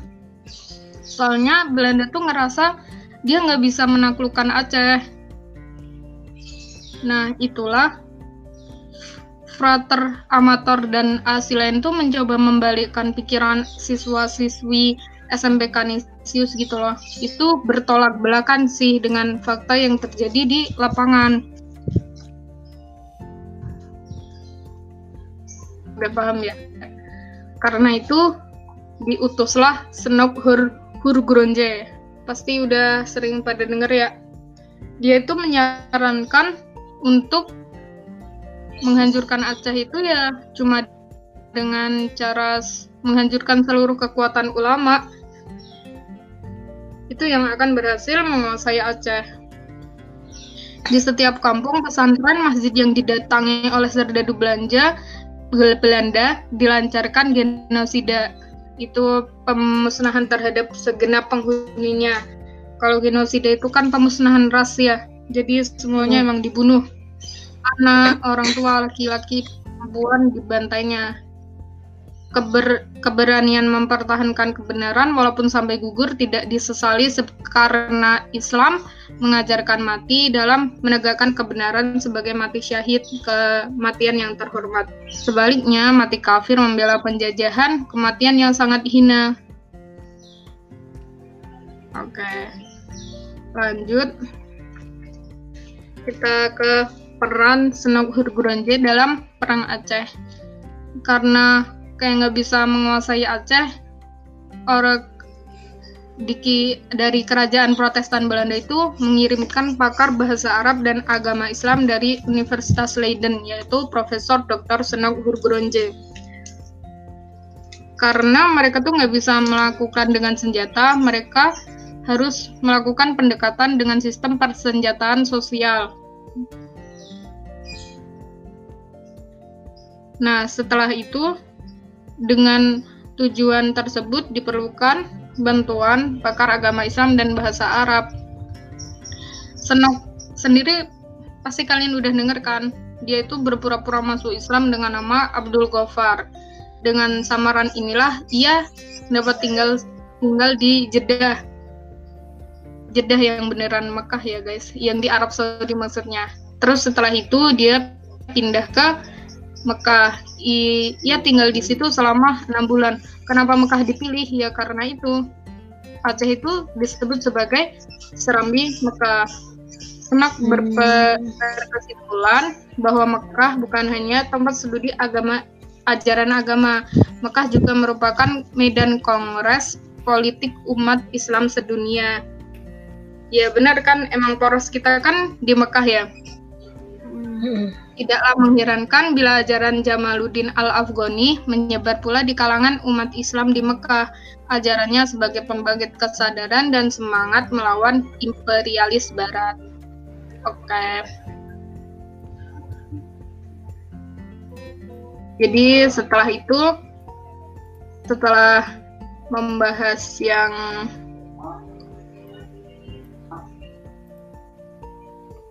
susah-susah ya. Nah, sebenarnya di Belanda ini emang nggak bisa melawan melawan apa? Melawan Aceh. Dia tuh udah ngerasa gagal gitu loh apalagi pemimpin gerilyanya terhadap seorang itu seorang wanita Cutnya Adin yang karismatik seperti Siti Aisyah radhiyallahu anha yang mendampingi Rasulullah dalam perang melawan kafir Quraisy.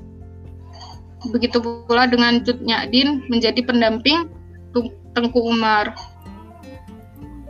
Emang emang dan Protestan Belanda cuma bisa memenangkan pertempuran bukan nah, paham nggak sih kalau pertemuan itu kan dengan hmm. senjata ya kalau perang yeah, yeah. semuanya idealismenya semuanya semuanya berat deh oke okay. Semula kerajaan Protestan Belanda itu udah dengan prediksi bakal menang kalau dengan dengan keuntungan melimpah karena dengan tanam paksa gitu loh tapi ternyata kan enggak akhirnya hmm. meret meletus setelah meletuslah perang dunia kedua dan perang Asia Timur Raya itu yang terjadi itu justru sebaliknya. Pemerintah kolonial Belanda menyerah kepada bala tentara dari Nippon. Oke jadi dia udah kalah tuh ya.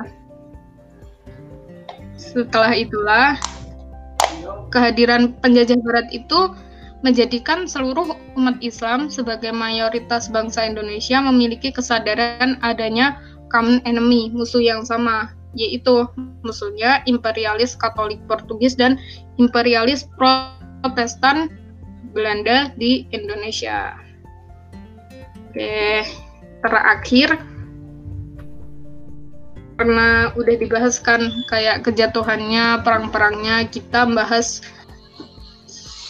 kebangkitan nasional yaitu pasar sebagai gerbang kebangkitan nasional.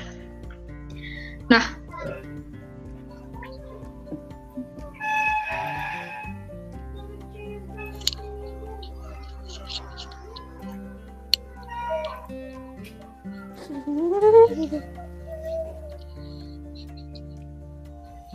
Kenapa nih? Apa nih? Oke. Oke guys, bentar guys. Kayak aku tadi apa coba? Karena ada tamu ikut makan kan. Terus beliau nyuci piring dong, padahal cucian piringnya masih banyak. Akhirnya tadi aku skip bentar lu. Saya stop dulu lah bahaya. Cuma ada aku di belakang.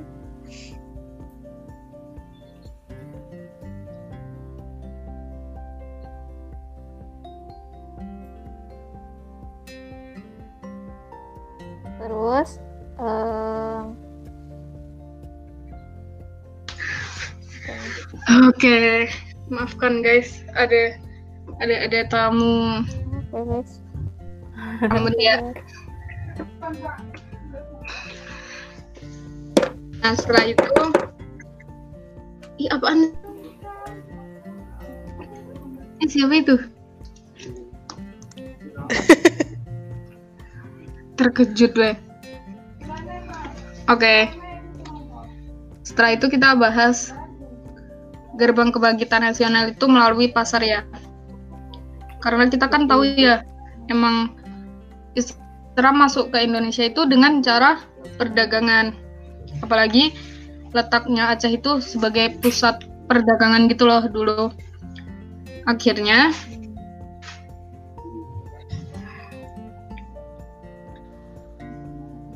Syarikat Dagang Islam berdiri pada tanggal 16 Oktober 1905. Senin Legi. Wah, masih ada. 16 Syakban 1323 Hijriah dengan media cetaknya Taman Pewarta. Haji Samanhudi itu memelopori kebangkitan kesadaran nasional melalui kesadaran niaga yang telah dilumpuhkan oleh penjajah. Oke, di sini ada kata-kata yang keren banget nih menurutku. Eh bukan kata-kata, kalimat. Ulama selalu mencari jawaban sesuai dengan tantangannya. Masya Allah. Ya benar sih. Pokoknya mereka mensosialisasikan dan memasarkan ide kebangkitan nasional melalui pasar. Eh.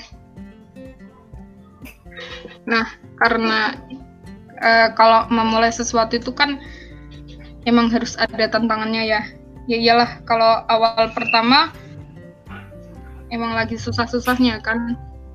Mereka tuh masih melawan dihadapkan dengan lawan imperialis barat kerajaan Protestan Belanda dan ada juga hadirnya imperialis timur kerajaan Shinto Jepang. Jadi kan kita udah dijajah Belanda, endingnya dijajah Jepang kan.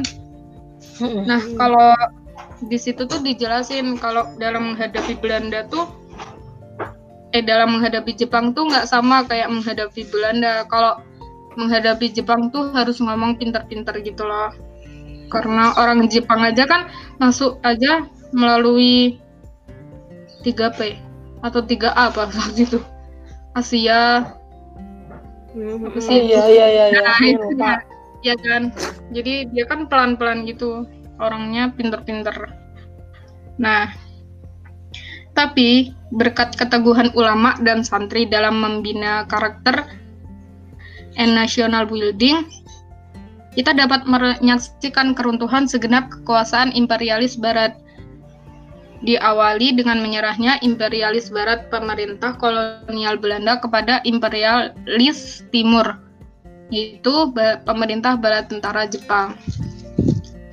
Terus juga Serikat Dagang Indonesia itu yang partai politiknya itu Partai Serikat Islam Indonesia atau PSSI serta Partai Islam Indonesia PII itu nggak mau mendukung sikap politik Partai Indonesia Raja Parindra juga.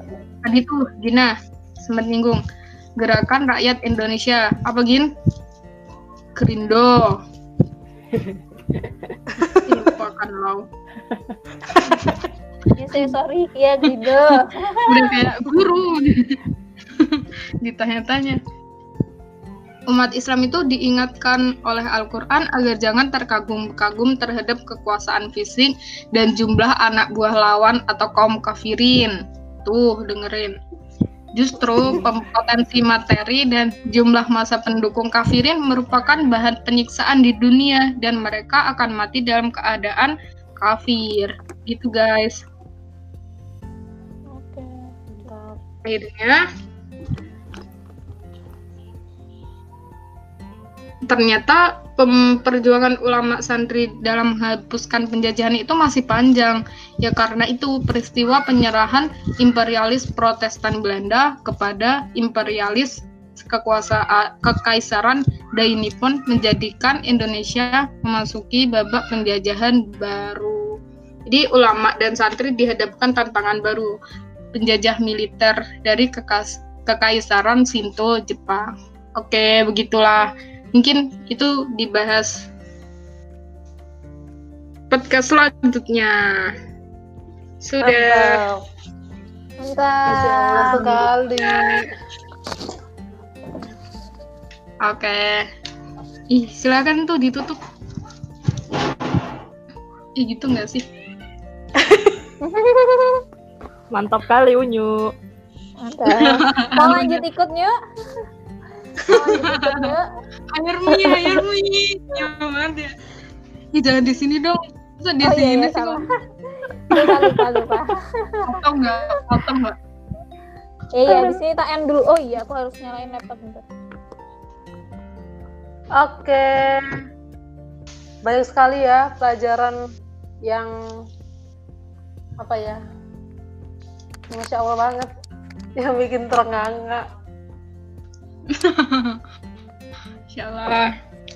Ternyata dulu perjuangan saudara-saudara kita tuh lumayan, bukan lumayan, berat. Lumayan Berat, kata lu. berat ngelawan penjajah. Tapi iya sih tadi apa yang tadi kata-katanya itu ulama itu akan mencari, jawaban solusi Heeh. sesuai permasalahan yang ada gitu loh intinya. Apa aku juga lupa. Barusan padahal Ulama selalu mencari jawaban sesuai dengan tantangannya. Begitu. itu yang apa ya yang bakal aku inget mungkin nggak aku doang mungkin teman-teman di sini atau teman-teman yang dengar juga mungkin harus mengingat gitu. Betapa dulu Indonesia itu dibangun dari perjuangan lama dan santri. Itu. Iya. apalagi nih? Apa nih? kita sharing. Ayo kita sharing sharing apa gitu Krik krik. ya ayo dong bintang tamu Apa sih? Ini masih rekaman loh, Teng. Iya benar kan? Mas kira. Mm-mm. Oh, iya. Aduh. Maafkan. Tapi poinnya tuh berarti ini ya, Nguap, Eh, nguap siapa tuh? Aku. Gina. Nguap kan, Lau? Hah? Nggak apa-apa, nggak apa-apa. Lanjutin. ya sih tadi poinnya itu eh, bukan cuma ulama ya kalau kalau sekarang kan ulama tuh punya makna memang beliau-beliau sudah sangat berilmu gitu ya Eh, poinnya itu kalau yang tak lihat akhirnya kita sebagai muslim pun gitu harus melihat permasalahan eh, memberikan solusi sesuai dengan permasalahannya gitu kadang kita Iya. suka ya fokus sama fokus sama masalahnya fokus sama orang yang kita eh, musuh gitu misalnya tapi kita lupa nggak beneran ngelihat masalahnya itu apa gitu solusinya apa gitu kadang kita cuma fokus ih iya ya ini gimana dong musuh udah kayak begini gitu masa kita gini gitu loh yang kadang apa Iya, akhirnya iya. buat membuat berkecil hati dan segala macam Benar.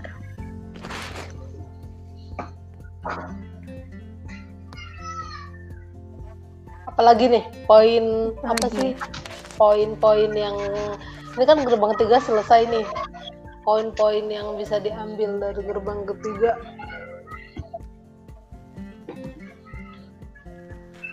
Hmm, tapi ya.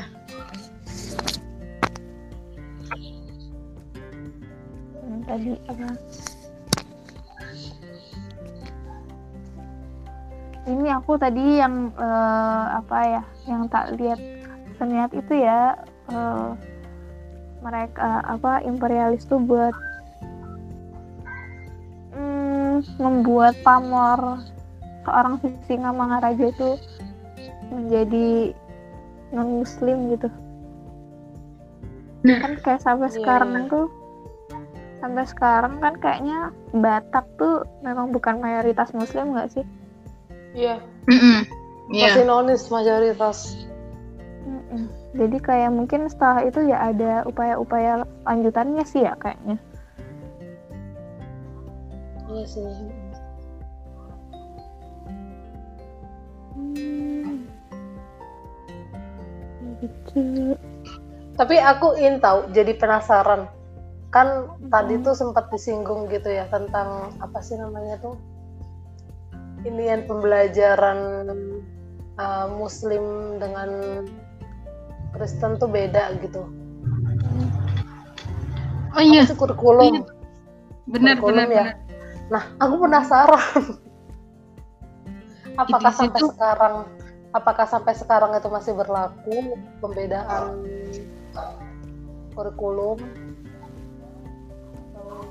Tapi di sini tuh itu sih di di kata di kata beliau tuh eh, bahwa pihak non Islam tuh menggunakan sejarah Indonesia sebagai media untuk mengubah pikiran generasi muda S- siswa SMP Kanisius gitu loh agar tetap membenarkan dan mempertahankan penjajahan. Mungkin itu kali ya. Mereka tuh diajarin buat melebarkan sayap Iya, gede-gede. iya, iya. Maksudnya kekuasaannya gitu loh. Kalau kita kan ya kalau kita diserang kita harus bertahan. Dan kalaupun kita menyerang tuh ada cara-caranya kan, nggak boleh membunuh anak dan wanita, terus juga Iya, nggak iya. boleh dengan siksaan, gitu. Iya, iya benar-benar. mungkin itu buat apa kayak kayak itu mereka hmm, internal mereka pembelajaran internal mereka gitu loh. Iya sih. ibu. Iya, iya benar-benar. Tapi jadi ini sih kayak eh, bersyukur juga sih makin ke sini kan sekolah-sekolah eh, Islam tuh makin banyak juga Mm. dan masih di apa ya kurikulum sekarang kan diperbolehkan gitu ada muatan-muatan lokal dari masing-masing sekolah jadi kan nggak Iya. eh, kita bisa bikin model-model sekolah sendiri gitu benar emang kayaknya tuh jangan membaca dari satu aja deh Iya. Ini juga aku kayaknya. ternyata ternyata banyak yang dibelokkan gitu loh. Aku nggak tahu. Iya itunya. Aku kira aku kira tuh dulu Senok Guru Gronje tuh masuk mereka dia tuh pura-pura Islam ya udah menetap di sini gitu loh. Cuma kayak Hmm. mempelajari kita gitu kesehariannya gimana. Mempelajari orang dulu kesehariannya gimana. Tapi ternyata dia tuh totalitas banget gitu. Dia ke Jeddah dulu baru habis itu dia menetap di Mekah. Saking pengennya menaklukkan gitu kali ya. Tapi kita nggak pernah nggak denger ya ada dari misalnya orang Islam yang pura-pura jadi Kristen. oh iya. Enggak lah. Nggak ada. berat hina eh berat eh, hina. Kalau kalau di mempelajari zaman apa apa apa gin lanjut gin Gak lupa aku tadi.